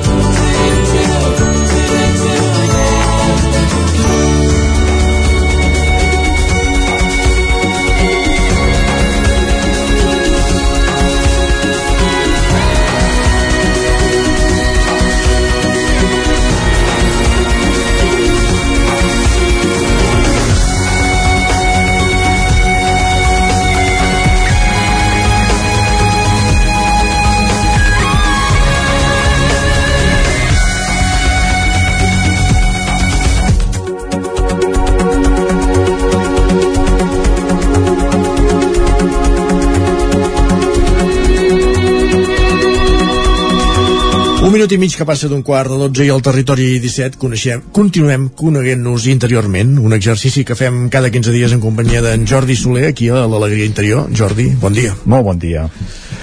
Per on passem avui? Per on toca endinsar-nos interiorment? Mira, la setmana passada vam estar parlant de la tercera generació de la PNL, eh, de les tres Correcte, ments. sí. Que hi havia la ment cognitiva, que era la més conscient, la ment somàtica, eh, la que ens connecta amb el cos, aquí és parar, eh? aquí és parar i és sentir. I aquesta ens connecta amb la nostra part inconscient, d'alguna manera, eh? perquè ens revela aspectes que no racionalitzem, vull dir que no pensem. Parem, parem. Parem. La primera generació de la PNL, la primera generació de la PNL, ara retrocedint, eh? ens porta a l'anàlisi del llenguatge. I és una nova forma de connectar amb el nostre, amb el nostre inconscient. Si la tercera generació de la PNL, a través del cos, a través de la part somàtica, ens revela informació, la primera generació de la PNL, a través del llenguatge, d'alguna forma, fa emergir aquesta informació que tenim al nostre inconscient a través de les paraules que matem.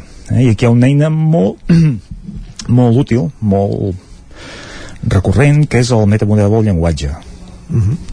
Doncs a través de el que diem, de les paraules que matem, sabem que en la comunicació hi ha una part important que és l'expressió corporal, una part que és el to i una part que són les paraules. Doncs aquesta part, que és petitona però és important, que és les pròpies paraules, revelen molts aspectes de l'estructura més profunda que tenim dins nostre i que amb un bon treball de coaching, sí. un bon treball de la pregunta poderosa, eh, de, acompanyat, d'alguna forma nosaltres mateixos podem anar descobrint aspectes que ja sabem, que coneixem, però que no volem afrontar, que justifiquem, que tapem, que evitem.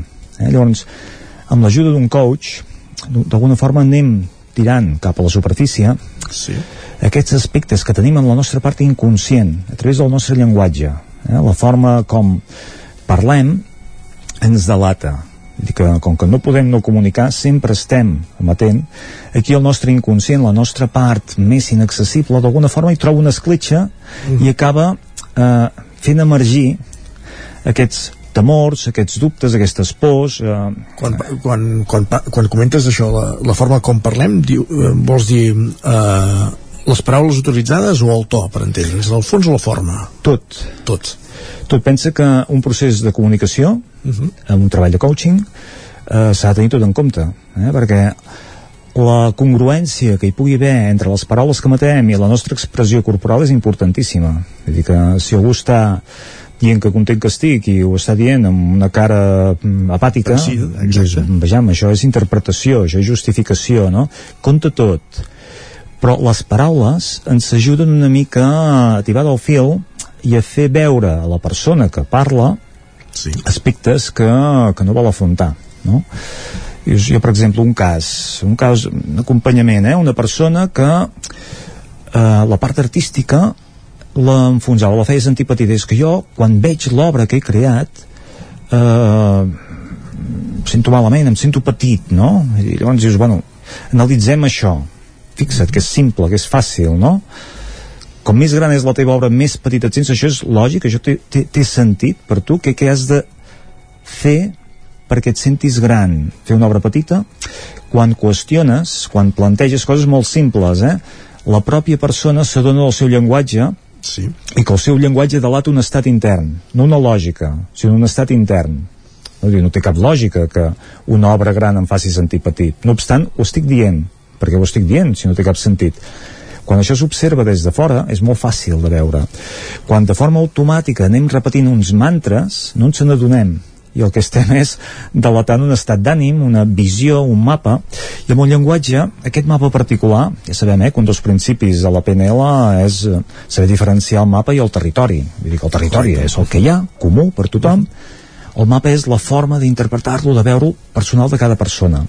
Llavors esclar, aquest mapa en alguns aspectes és eh, molt limitat no? si tinc la meva visió visc la, la situació, la vida d'una manera determinada me la crec i em penso que és l'única manera, que és l'única interpretació quan verbalitzo, quan comparteixo quan trec a la superfície algú que m'està acompanyant a través de la pregunta, a través del llenguatge em pot qüestionar aquests aspectes i em pot fer adonar de dir, caram, és que hi ha més aspectes que, que els que estic veient. El meu mapa eh, es pot eixamplar, eh? el puc enriquir, puc eh, posar-hi matisos, puc aportar-hi detalls que d'alguna manera dius, no tot és el que sempre he cregut no? Uh -huh. hi ha una nova manera, una nova forma de veure-ho correcte doncs, la pregunta, la pregunta poderosa la forma com s'ha de fer emergir aquesta informació s'ha d'anar amb compte eh? perquè hi han preguntes que et remeten al problema, a l'origen del problema això no ens ajuda massa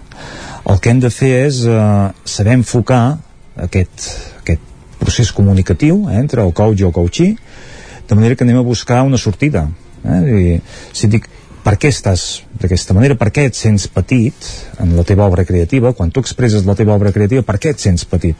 Això possiblement ens eh, remeti a, bueno, un, potser un trauma d'origen o, o una por o, dius, mm, ens estanca, ens lliga eh, el problema. Si sabem emetre la pregunta adequada o com podem fer per veure-ho, què podem fer, amb qui, de quina manera? D'alguna forma estem donant una ajuda estem donant una nova un mapa més ampli a la persona perquè es qüestioni no? I, bueno, jo el què haig de fer amb la meva obra creativa quan em surt molt bé quan l'expressió és magistral i que no sé d'on m'ha sortit perquè l'expressió creativa no deixa de ser una expressió també de l'inconscient vull dir que els artistes quan estan emetent la seva obra sigui pictòrica, musical moltes vegades realment estan deixant que l'inconscient s'expressi, no? Llavors és una comunicació des de, des de l'inconscient. Quan aquesta expressió és bona, és òptima, és eh, grandiosa en alguns casos, el que hem de permetre és que això ens empetiteixi, no? Llavors hem de saber posar l'etiqueta adequada de dir aquí estic, allà on vull estar i això és sinònim de, de, de, de vents d'un aspecte positiu meu no? en cap cas ha de ser una cosa que m'ha de que m'ha d'aclaparar perquè, perquè ostres, això no pot ser que ho hagi fet jo no? em sento petit perquè no és una cosa meva. La part de l'expressió de l'inconscient és una cosa nostra, és una part nostra. Que hi tinguem accés, que la veiguem és una altra cosa.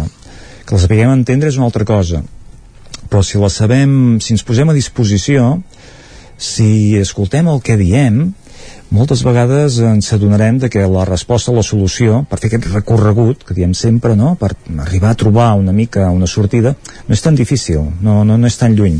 I que el llenguatge, hi ha els virus del llenguatge, que són les eh, generalitzacions, submissions, que distorsions, que una mica ens impedeixen ens impedeixen eh, detectar què és el que portem a dintre no? és que tot és un desastre no? Vejam, tot és un desastre només algunes coses clar, mm, tot, vull dir mm, respirar, caminar és un desastre llavors, quan la persona s'expressa hi ha aquests virus és quan realment es pot començar a fer un procés, un treball, no? Llavors, amb les preguntes adequades és quan la persona s'adona de dir, bueno, vejam, no tot és un desastre, mm. no, no tot és un tal. I quan vas afinant, quan vas acostant, quan vas traient el gra de la palla, te dones una mica de que el problema pot ser una cosa ben petita, eh? que quan li has posat mida i quan l'has vist, quan l'has identificat, és quan realment dius, val, això ara haig de fer aquest treball, ara puc d'alguna forma transformar aquesta situació no? haig d'anar i parlar amb aquella persona perquè fins ara he estat donant voltes he estat impedint jo en un procés uh, de coaching m'he donat de que la persona que no vol afrontar una situació quan se li fa una pregunta directa i clara comença a donar voltes i voltes i voltes i voltes, no? Això és com a vegades amb aquests debats polítics que fan una pregunta punyent i el polític dona mil voltes per no respondre el que ha de respondre, no? Correcte, sí. Fem el mateix, fem el mateix amb les qüestions que no volem afrontar. Uh -huh. Tot allò que no ens agrada, quan ens fan una pregunta que ens toquen allò moll de l'os, diem, tu, mm, automàticament, inconscientment, també és un procés inconscient, surt una, una evasiva, eh? una resposta evasiva que ens desviem i comencem a, bueno, mm, enfocar la, la conversa cap a una altra, cap a una altra banda. Doncs aquí és quan és insistir, repetir, no? incidir en aquell punt perquè la persona s'adoni i s'adoni que és una cosa que, que l'ha sabut sempre i que l'ha tingut sempre i que el seu propi llenguatge d'alguna forma l'ha ajudat a veure-ho. I aquesta parada que fem amb el sentir també la fem a l'escoltar. I a partir d'aquí hi ha la transformació. L'escolta, de fet, sempre tan important eh, i moltes vegades la passem per alt, diguéssim.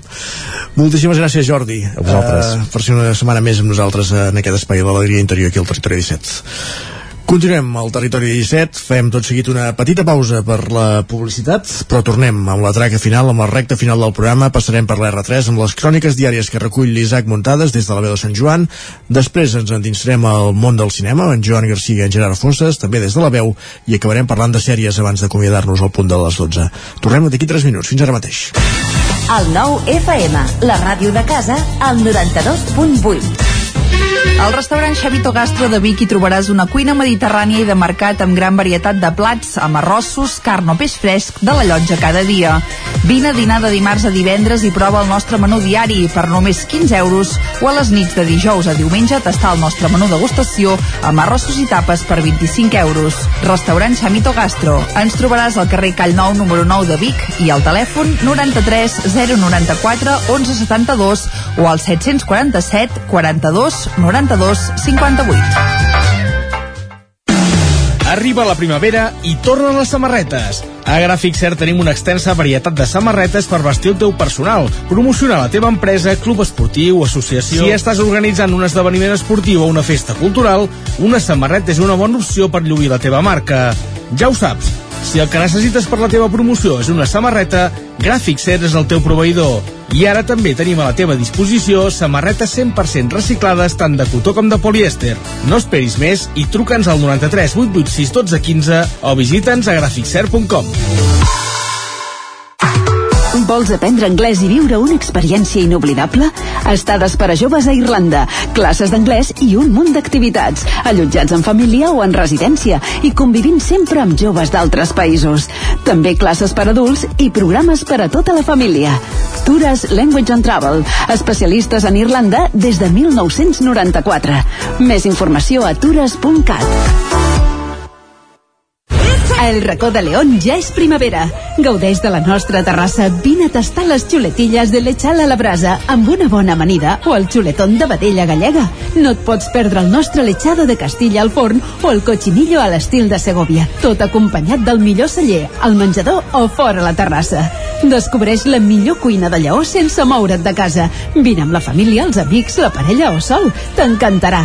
El racó de León, cuina tradicional lleonesa i de mercat. Som al carrer Torelló número 35 de Vic. Per reserves, telèfon 93 889 1950. El racó de León, una cuina diferent.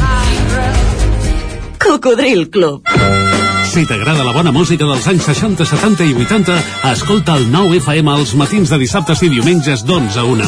És el temps del Cocodril Club, tot un clàssic de la ràdio, amb les bases del pop-rock, les llegendes, les cançons que s'han convertit en autèntics himnes. Recorda, dissabtes i diumenges al matí, d'11 a 1, al 9 FM 92.8. Cocodril Club, el programa revival de l'Albert Malla. Hasta luego, cocodrilo.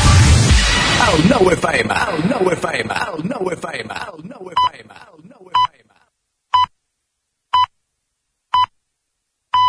Territori 17 A Tren d'Alba. Cada dia els usuaris de la línia R3 de Rodalies que veuen sortir el sol des d'un vagó ens expliquen les gràcies i les penes del primer comboi que uneix Ripoll i Barcelona. Benvinguts a Tren d'Alba. Resulta que Renfe ha posat un estant al Saló de l'Ensenyament de Barcelona. A l'estant insisteixen que posaran l'accent en què els llocs de treball com a maquinista o operador de manteniment no estan exclusivament dirigits a un públic masculí. També hi han portat un simulador de conducció que permet als visitants gaudir d'aquesta experiència. El millor és el comentari d'un usuari de Twitter que afirma que el simulador també deu arribar tard. També n'hi ha un altre que diu que com a maquinista serà una experiència, però com a usuari és una p tortura. Va, a veure què ens explica en Carles Bassagany avui. Bon dia, bona hora. Avui amb els companys i companyes del tren, del tren bala, el tema de conversa ha estat sobre la incomoditat comoditat no, no tant d'horaris o de llevar-nos aviat o fins i tot d'alguna vegades de, de no arribar a temps sinó la incomoditat que suposa trobar-nos avui a les 7 i 20 minuts a Ripoll que el nostre comboi, el que ha sortit aquest de matí de Puigcerdà portava aquests famosos seients tan durs que fa que un trajecte que en el nostre cas de dues hores però imagineu-vos per una persona de la Cerdanya de Puigcerdà de 3 hores s'hagin de fer doncs, amb aquest material que acabes com ara estàvem explicant amb l'esquena feta un quadre. Per tant, és molt complicat i per això parlo d'aquesta comoditat que hauria de ser una comoditat bàsica poder fer aquest trajecte doncs, amb les garanties que pertoca. De vegades ens queixem del perquè la gent fa servir poc o molt el tren o si l'hauria de fer servir més o si és una manera d'intentar evitar desplaçaments o fins i tot el tema de pol·lució.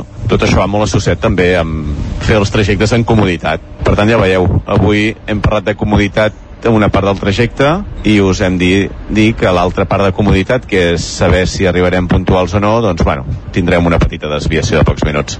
Res més, adeu-siau, bon dia és que no em vull ni imaginar què pot suposar estar 3 hores asseguts en seients durs. A la meva època de la universitat vam agrair molt quan van posar els trens amb seients tous i pensava que a poc a poc tots els interiors de trens es canviarien a aquesta nova modalitat de seients, però pràcticament 10 anys després encara n'hi ha dels antics. És clar que val diners, però vaja, si s'hagués canviat l'interior d'un parell de trens a l'any, voleu dir que no ho tindríem ja? Va, ens retrobem demà amb més històries del tren i de la R3. Es nota aquest jove muntades, eh? Perquè els seients antics ja eren tous per tu els antics són els durs, però els antics antics ja eren tous, ja. Territori, Territori 17. 17. Territori 17.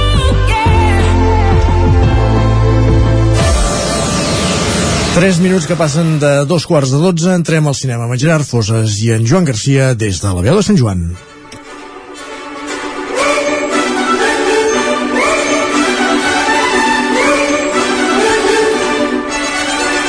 Les estrenes de la setmana i l'actualitat cinematogràfica amb Gerard Fosses.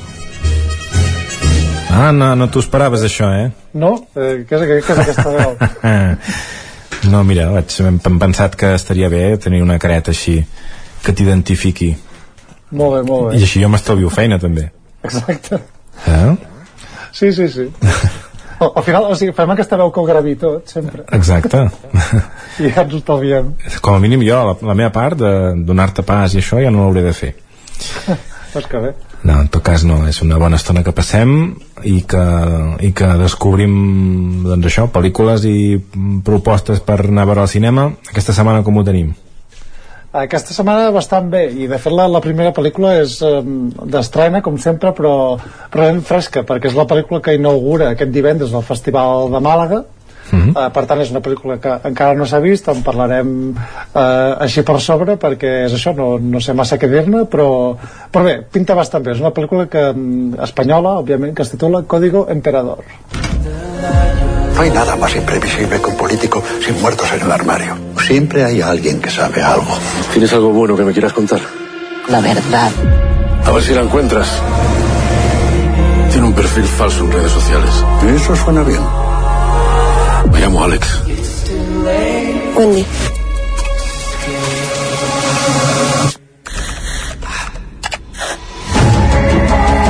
¿Cómo vamos? Han vuelto a casa.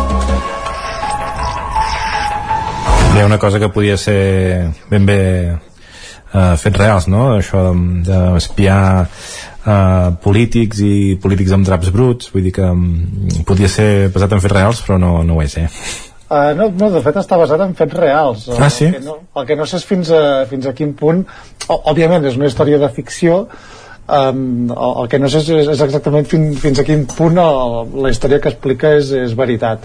Mm. El, ca- el cas és que el, el protagonista és, és una persona que treballa pel, pels serveis secrets, interpretada per, per Lluís Tossar, els serveis secrets espanyols, òbviament, i, i bé, es dedica en aquest cas, en, en un cas de, que implica un matrimoni ric, no? que, que es dedica presumptament al, al tràfic d'armes, um, i diguem que la feina en paral·lela que té eh, aquest investigador és com um, tapar casos bruts de, de corrupció, um, temes uh, extraoficials de polítics i de gent poderosa, diguem que és una feina que fa uh, sota mà i, i bé, diguem que aquestes dues històries convergeixen no, per, amb aquesta història que és un thriller sobre, sobre els dilemes morals de, de la feina que es fa no? i per què serveix al, al final tot això eh, ja et dic, he intentat llegir eh, exactament en qui es basava això no, no ho he trobat, també et dic que no hi he, no hi he pogut dedicar molt temps Uh, però és una pel·lícula realment molt d'actualitat i ara a més a més que, que es parla molt de, del desencís amb la classe política de tots aquests draps bruts que surten ja siguin família uh, reial o en polítics uh, casos de corrupció. Doncs és d'aquelles pel·lícules que crec que, que valen la pena. Uh, una mica com a l'estil del Reino no? que va ser una pel·lícula molt, molt celebrada quan, quan va sortir. En aquest cas una mica més muntada com a thriller una mica uh, més pel·liculero uh, per dir-ho d'alguna manera de fet el guionista és eh, Jorge Guerrica Echevarría que és habitual d'Àlex de la Iglesia també un bon escriptor de thrillers no? ha fet eh, 211 el, el Niño, també les leyes de la frontera entre d'altres Uh, i bé, uh, diguem que esperem aquest tipus de pel·lícula, uh, més encara la ficció però, però bé, tocant un tema molt, molt tangent i molt present en, en la vida, diguem, de, dels poderosos actuals Molt bé, veig al final que hi ha tots els logotips de gent que hi ha donat suport o que hi ha posat diners uh, i veig Netflix, no sé si és que ja la podrem veure aquí també Uh, no, de moment s'estrena directament en cinema i suposo que arribarà aviat a, a Netflix també. Uh, òbviament és d'aquelles pel·lícules que té la televisió la participació també de televisió espanyola, em sembla que és televisió de Galícia també perquè és la producció que passa allà. Uh, no sé si hi ha televisió de Catalunya pel mig, diria que no.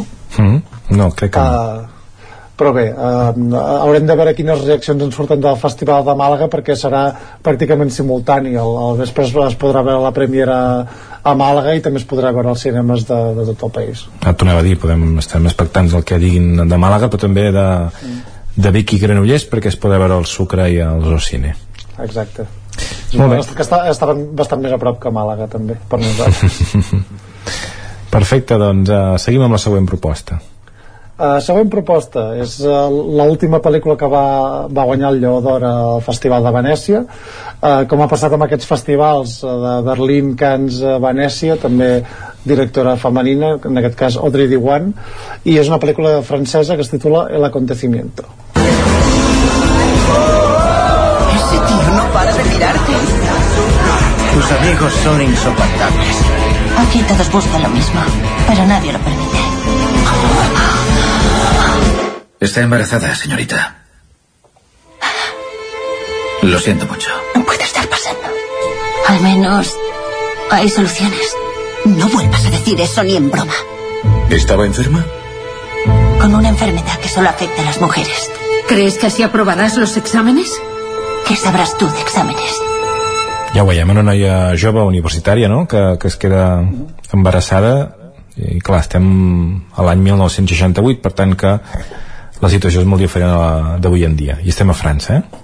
Sí, de fet, any 63, eh, que Ah. és el, el, bueno, a més és una pel·lícula basada en una història real, de fet està basada en una novel·la d'Annie Ernaux, no sé si ho he dit bé el nom, eh, però, però és una novel·la aut- autobiogràfica, explica una història que li va passar a ella, eh, una estudiant molt prometedora, amb, amb una festa, té un embolic amb un noi, es queda embarassada, i, i el marc contextual és que a França en aquell moment, com doncs, en la majoria de països, eh, l'avortament era il·legal. I diguem que és una mica aquesta batalla de, de, de batallar per, per la persona en la qual s'ha de convertir no? recordem que és una, una edat molt, molt jove encara um, i, el, i el fet de, de batallar amb, la, amb el que és la, la maternitat en, en un moment inadequat Uh, L'interessant d'aquesta pel·lícula sobretot és, és que és molt, molt claustrofòbica. Eh, s'emmarca molt amb la, amb la soledat del, del personatge i amb aquest enfrontament a, a una societat que no, no comparteix eh, els seus valors en aquest cas.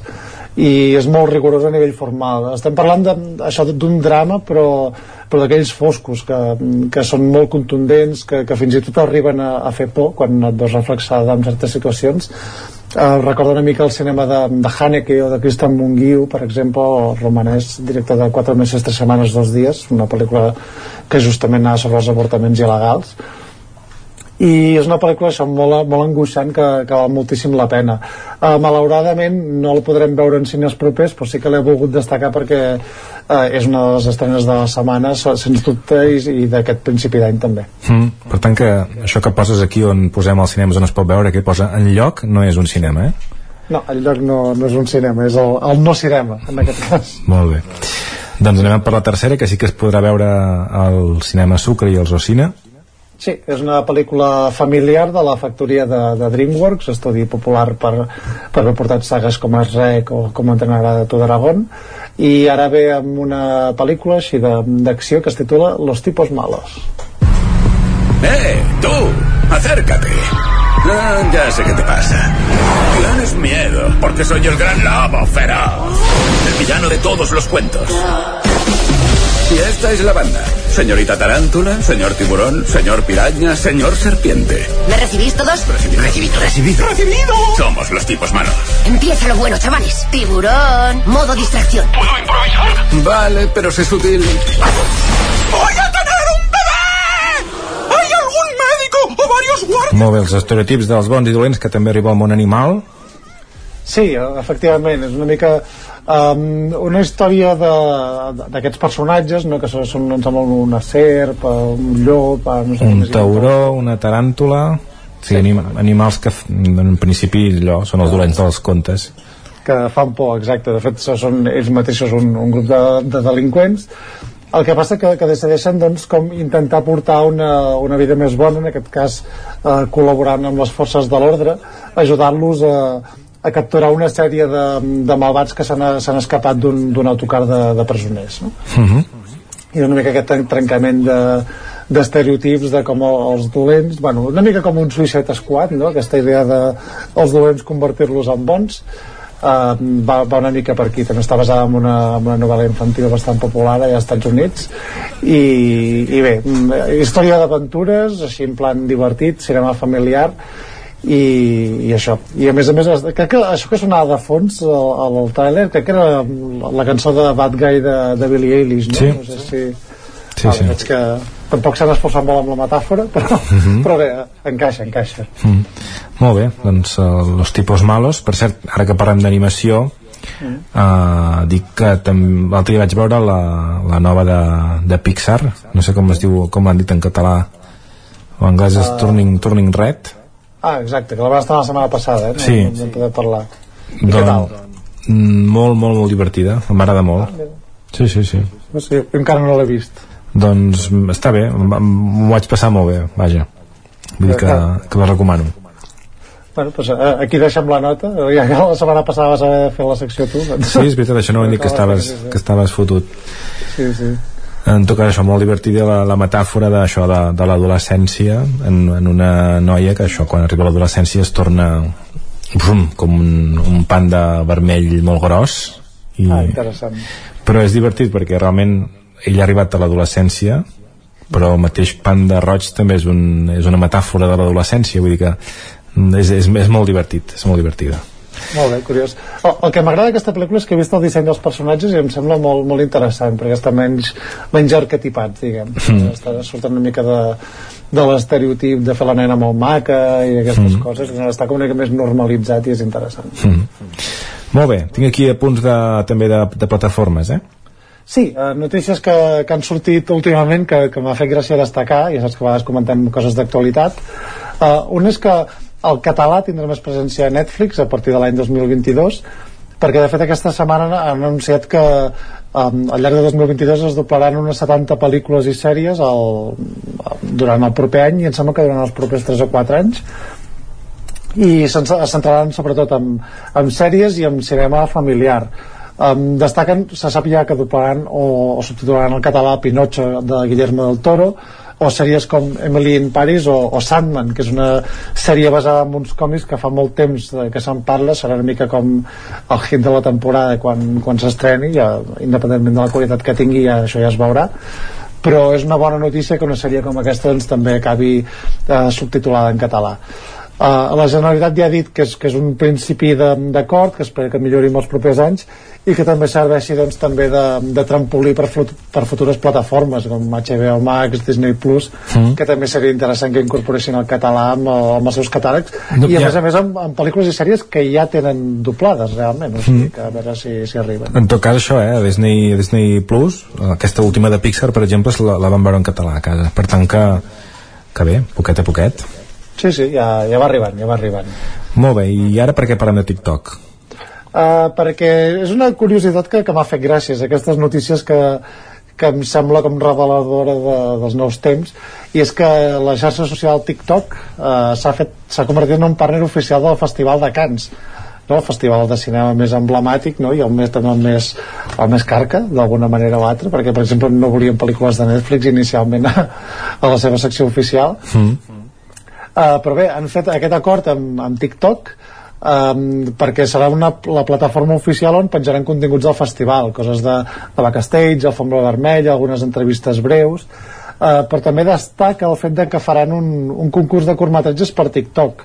Uh, es, es, hi haurà un jurat també amb, amb gent important com normalment porten a Cans uh, i seran curs oberts de- d'entre 30 segons i 3 minuts que em sembla que ja és el que duren les, els vídeos de la plataforma en aquest format vertical a més a més i es projectaran al llarg del festival no crec que, que la Croset no? que és la, la seu principal però hi haurà projecció al festival i hi haurà un premi amb aquest jurat propi per tant se li dona una dimensió important a, a, ja no al cinema en concret sinó també al llenguatge audiovisual traslladat a, a la telefonia mòbil i a les xarxes Mm. Em pensava que avui també hi hauria obituari per la mort de William Hart. Uh, no, mira, he decidit no, no posar-lo al final. No. És, que, eh, és una cosa que m'ha fet una mica de ràbia, que és el, aquest actor conegut per, per sortir a les pel·lícules de Marvel. I dic, no, no, és un, actor amb una, un gran actor amb una trajectòria molt més àmplia, però, però bé, mira, avui no, no farem obituari. Havia sortit de les pel·lícules de... de Marvel. Ah, sí? Feia, sí, feia del, del general aquell que és dolent entre cometes que, que persegueix el Hulk, ara Ah. no recordo del, del nom, però bé. No, no, no, no ho conec, això. Sí, sortia així com de secundària diverses pel·lícules. Molt bé, anem a la resta del territori. A Ripoll, al cinema Comtal, podem veure The Batman. Exacte, pel·lícula aquesta de, de Batman que arriba finalment al cinema de Ripoll uh, pel·lícula magnífica, tot i aquestes 3 hores de, de duració que sí que es fan una mica feixugues El Casal Camprodoní, a Belfast, ja n'hem parlat moltes vegades. Sí, pel·lícula aquesta de Kenneth Branagh sobre la seva infància, que mira, és una bona oportunitat per veure-la en cinema, així com a preludi de, dels Oscars que estan ja um, a la cantonada. Mm. I la premiada um, amb premis uh, um, Gaudí, el, la pel·lícula de la Neus, del Neus Ballús, uh, ja es podrà veure també uh, directora de Territori 17, ja es pot veure també bastant a, a diferents cinemes, a Ribes de Freser, per exemple, sis dies corrents, Sí, exacte, és la pel·lícula que, que està ara en boga dintre de, del cicle Gaudí, no? que és per aquestes sales més petites de Catalunya i es podrà veure tant al Cinema Catalunya de Ribes com a l'Alter de Torelló com a l'Esbarjo de, de Cardedeu. Molt bé. I a l'Esbarjo de Cardedeu també es podrà veure Todo ha ido bien. Sí, aquesta és una pel·lícula familiar, bueno, un drama familiar de, de François Ozon, no ha tingut massa predicament, eh, no és la seva pel·lícula més, més encertada, perquè a més a més um, és com molt episòdic, episodis molt aïllats, i el tema central és l'eutanàsia. No és, diguem, la pel·lícula més inspirada de François Ozon, però també és un director que sempre val la pena veure'l. Molt bé. I el Cineclub de Vic, This is not a movie, no sé si, si té alguna cosa a veure amb aquell quadre surrealista de This is not an apple. No. No? No, no, de, de fet, i mira, és un, és un documental i estava basada en, en, en una història real, òbviament, de, de Robert Fisk, un, un, un reporter britànic um, que diguem que va ser com un emblema de, com, com, de un cronista de, de tots els fets de- dels últims 40 anys no? sobretot en, en aquests temes més de, de geopolítica. I, i és un documental al voltant de, de la seva vida, la seva experiència professional i totes les coses que, que ha viscut i que ha desemmascarat també sense fer massa concessions amb els mitjans i amb les editorials. Ha hagut de batallar també perquè el publiquin i és una pel·lícula interessantíssima va estar a l'últim Atlàntida Film Fest que és aquest eh, um, festival que organitza Filmin i, i bé, i ara correrà una mica per, per cineclubs de Catalunya Molt bé. Recordem que com a estrena del Cineclub de Vic, bueno, com a pel·lícula dintre del Cineclub de Vic, no és aquest cap de setmana, sinó que és el dimarts 22, eh, que anem Sí, molt, exacte. molt per avançat. en aquestes ens avancem i sempre és el, el dimarts sí, sí. Perfecte, doncs escolta, moltíssimes gràcies i fins la setmana vinent. Moltes gràcies a vosaltres, fins la setmana que ve Que vagi adeu. Gràcies a tots dos, Gerard, Joan. Acabem aquí aquesta secció dedicada al cinema i ens endinsem tot seguit amb les sèries que estan més en boga o no a les plataformes.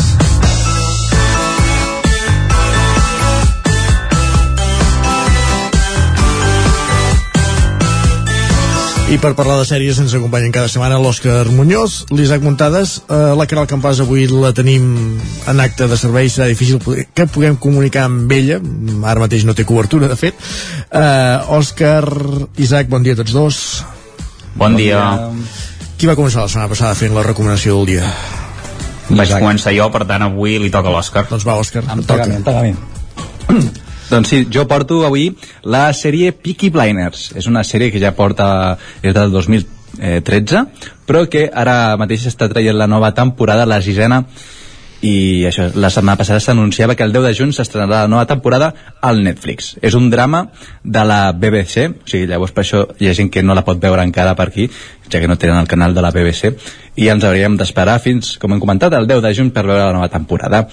Per tota la gent que no sàpiga qui són els Peaky Blinders, doncs és una història d'una família gitana són els Shelby i la seva banda de gàngsters és un grup de, on es veu d'una hora lluny perquè els, els Shelby, o sigui, els Peaky Blinders sempre porten les seves característiques boines amb unes fulles d'afaitar a la part del darrere que quan han d'ajustar comptes o el que sigui de, del, dels seus treballs que fan doncs eh, acaben donant estomacades amb, amb la boina.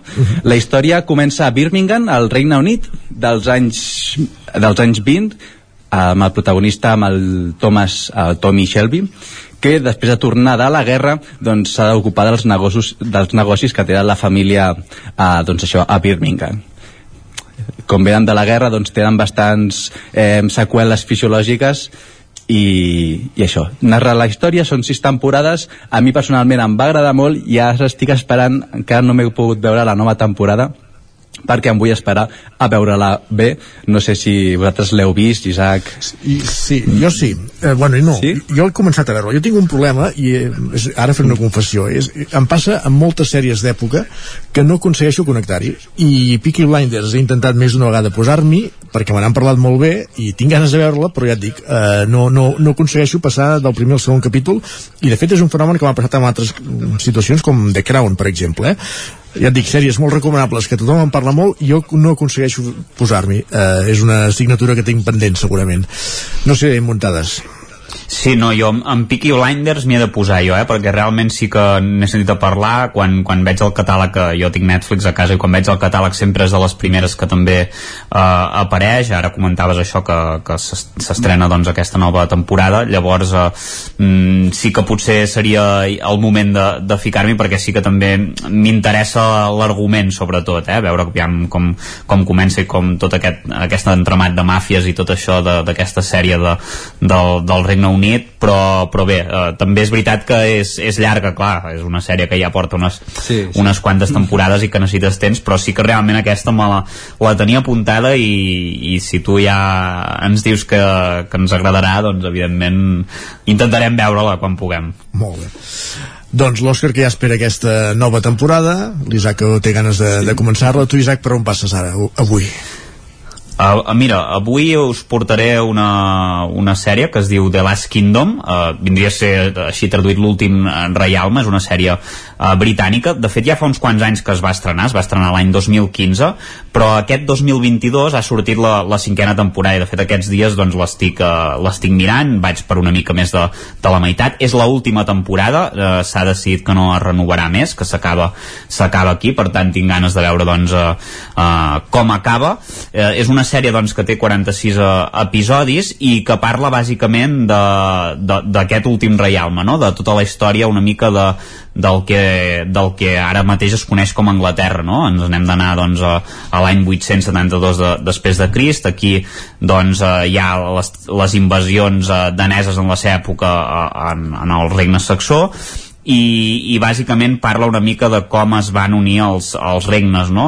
el regne de Wessex amb el de Northumbria, de Mèrcia i Angla Oriental, i tots es vertebra en, en el protagonista que és uh, l'Utrecht, uh, Utrecht de, de Bevenburg, que és uh, fill d'un noble saxó, que no, ja en el primer episodi doncs, uh, uh, és assassinat, i ell és criat per danesos. Llavors, durant tota la sèrie, uh, té aquesta dicotomia de a qui ha de servir més, no? I, i hi ha moments doncs, que, que es posa tot molt en dubte, però realment la sèrie és molt recomanable, sobretot jo penso que li va fer molt bé el tema de que, de que s'incorporés a Netflix perquè les dues primeres temporades les va produir BBC2 i BBC Amèrica de mm -hmm. fet si us recordeu a TV3 eh, en algun estiu han passat la primera temporada, si no recordo malament, o, o més d'una temporada, no, no n'estic segur, i a partir de la tercera ho va dur Netflix fins a aquesta cinquena. I, i realment la sèrie eh, jo crec que guanya eh? té, té moments de, de batalles molt, molt espectaculars també. Eh, molt, de, molt de política. És una sèrie que hi ha molta política moltes aliances, que es veuen molt els subterfugis que hi havia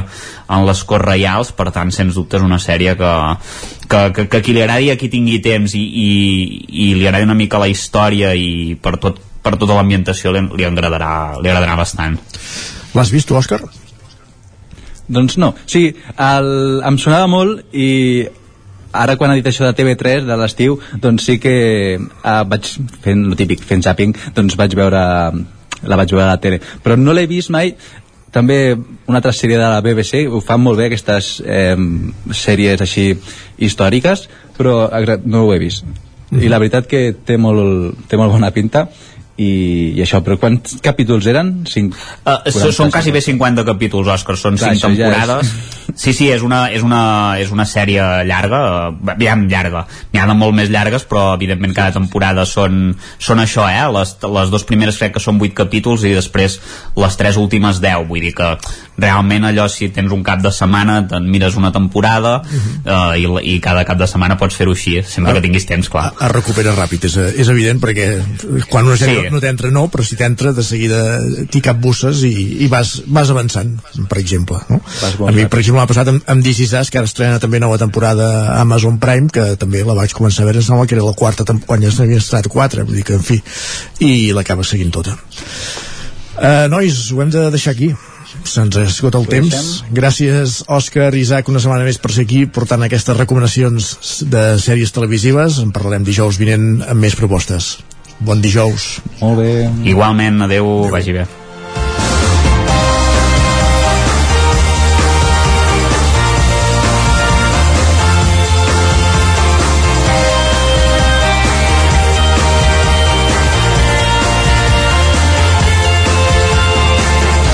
I acabem també el territori 17. Hem començat a les 9 del matí. Des d'allò- des d'aleshores us hem estat acompanyant Pepa Costa, Guillem Sánchez, Txell Vilamala, Maria López, Núria Lázaro, Jordi Soler, Caral Campàs, Isaac Muntades, Òscar Muñoz, Jordi Sunyer i Isaac Moreno. I també Joan Garcia i Gerard Foses. I tornem demà a partir de les 9 a la mateixa hora. Bon dijous. Territori 17, un magazín del nou FM. La veu de Sant Joan, Ona Codinenca i Ràdio Cardedeu amb el suport de la xarxa. El nou FM.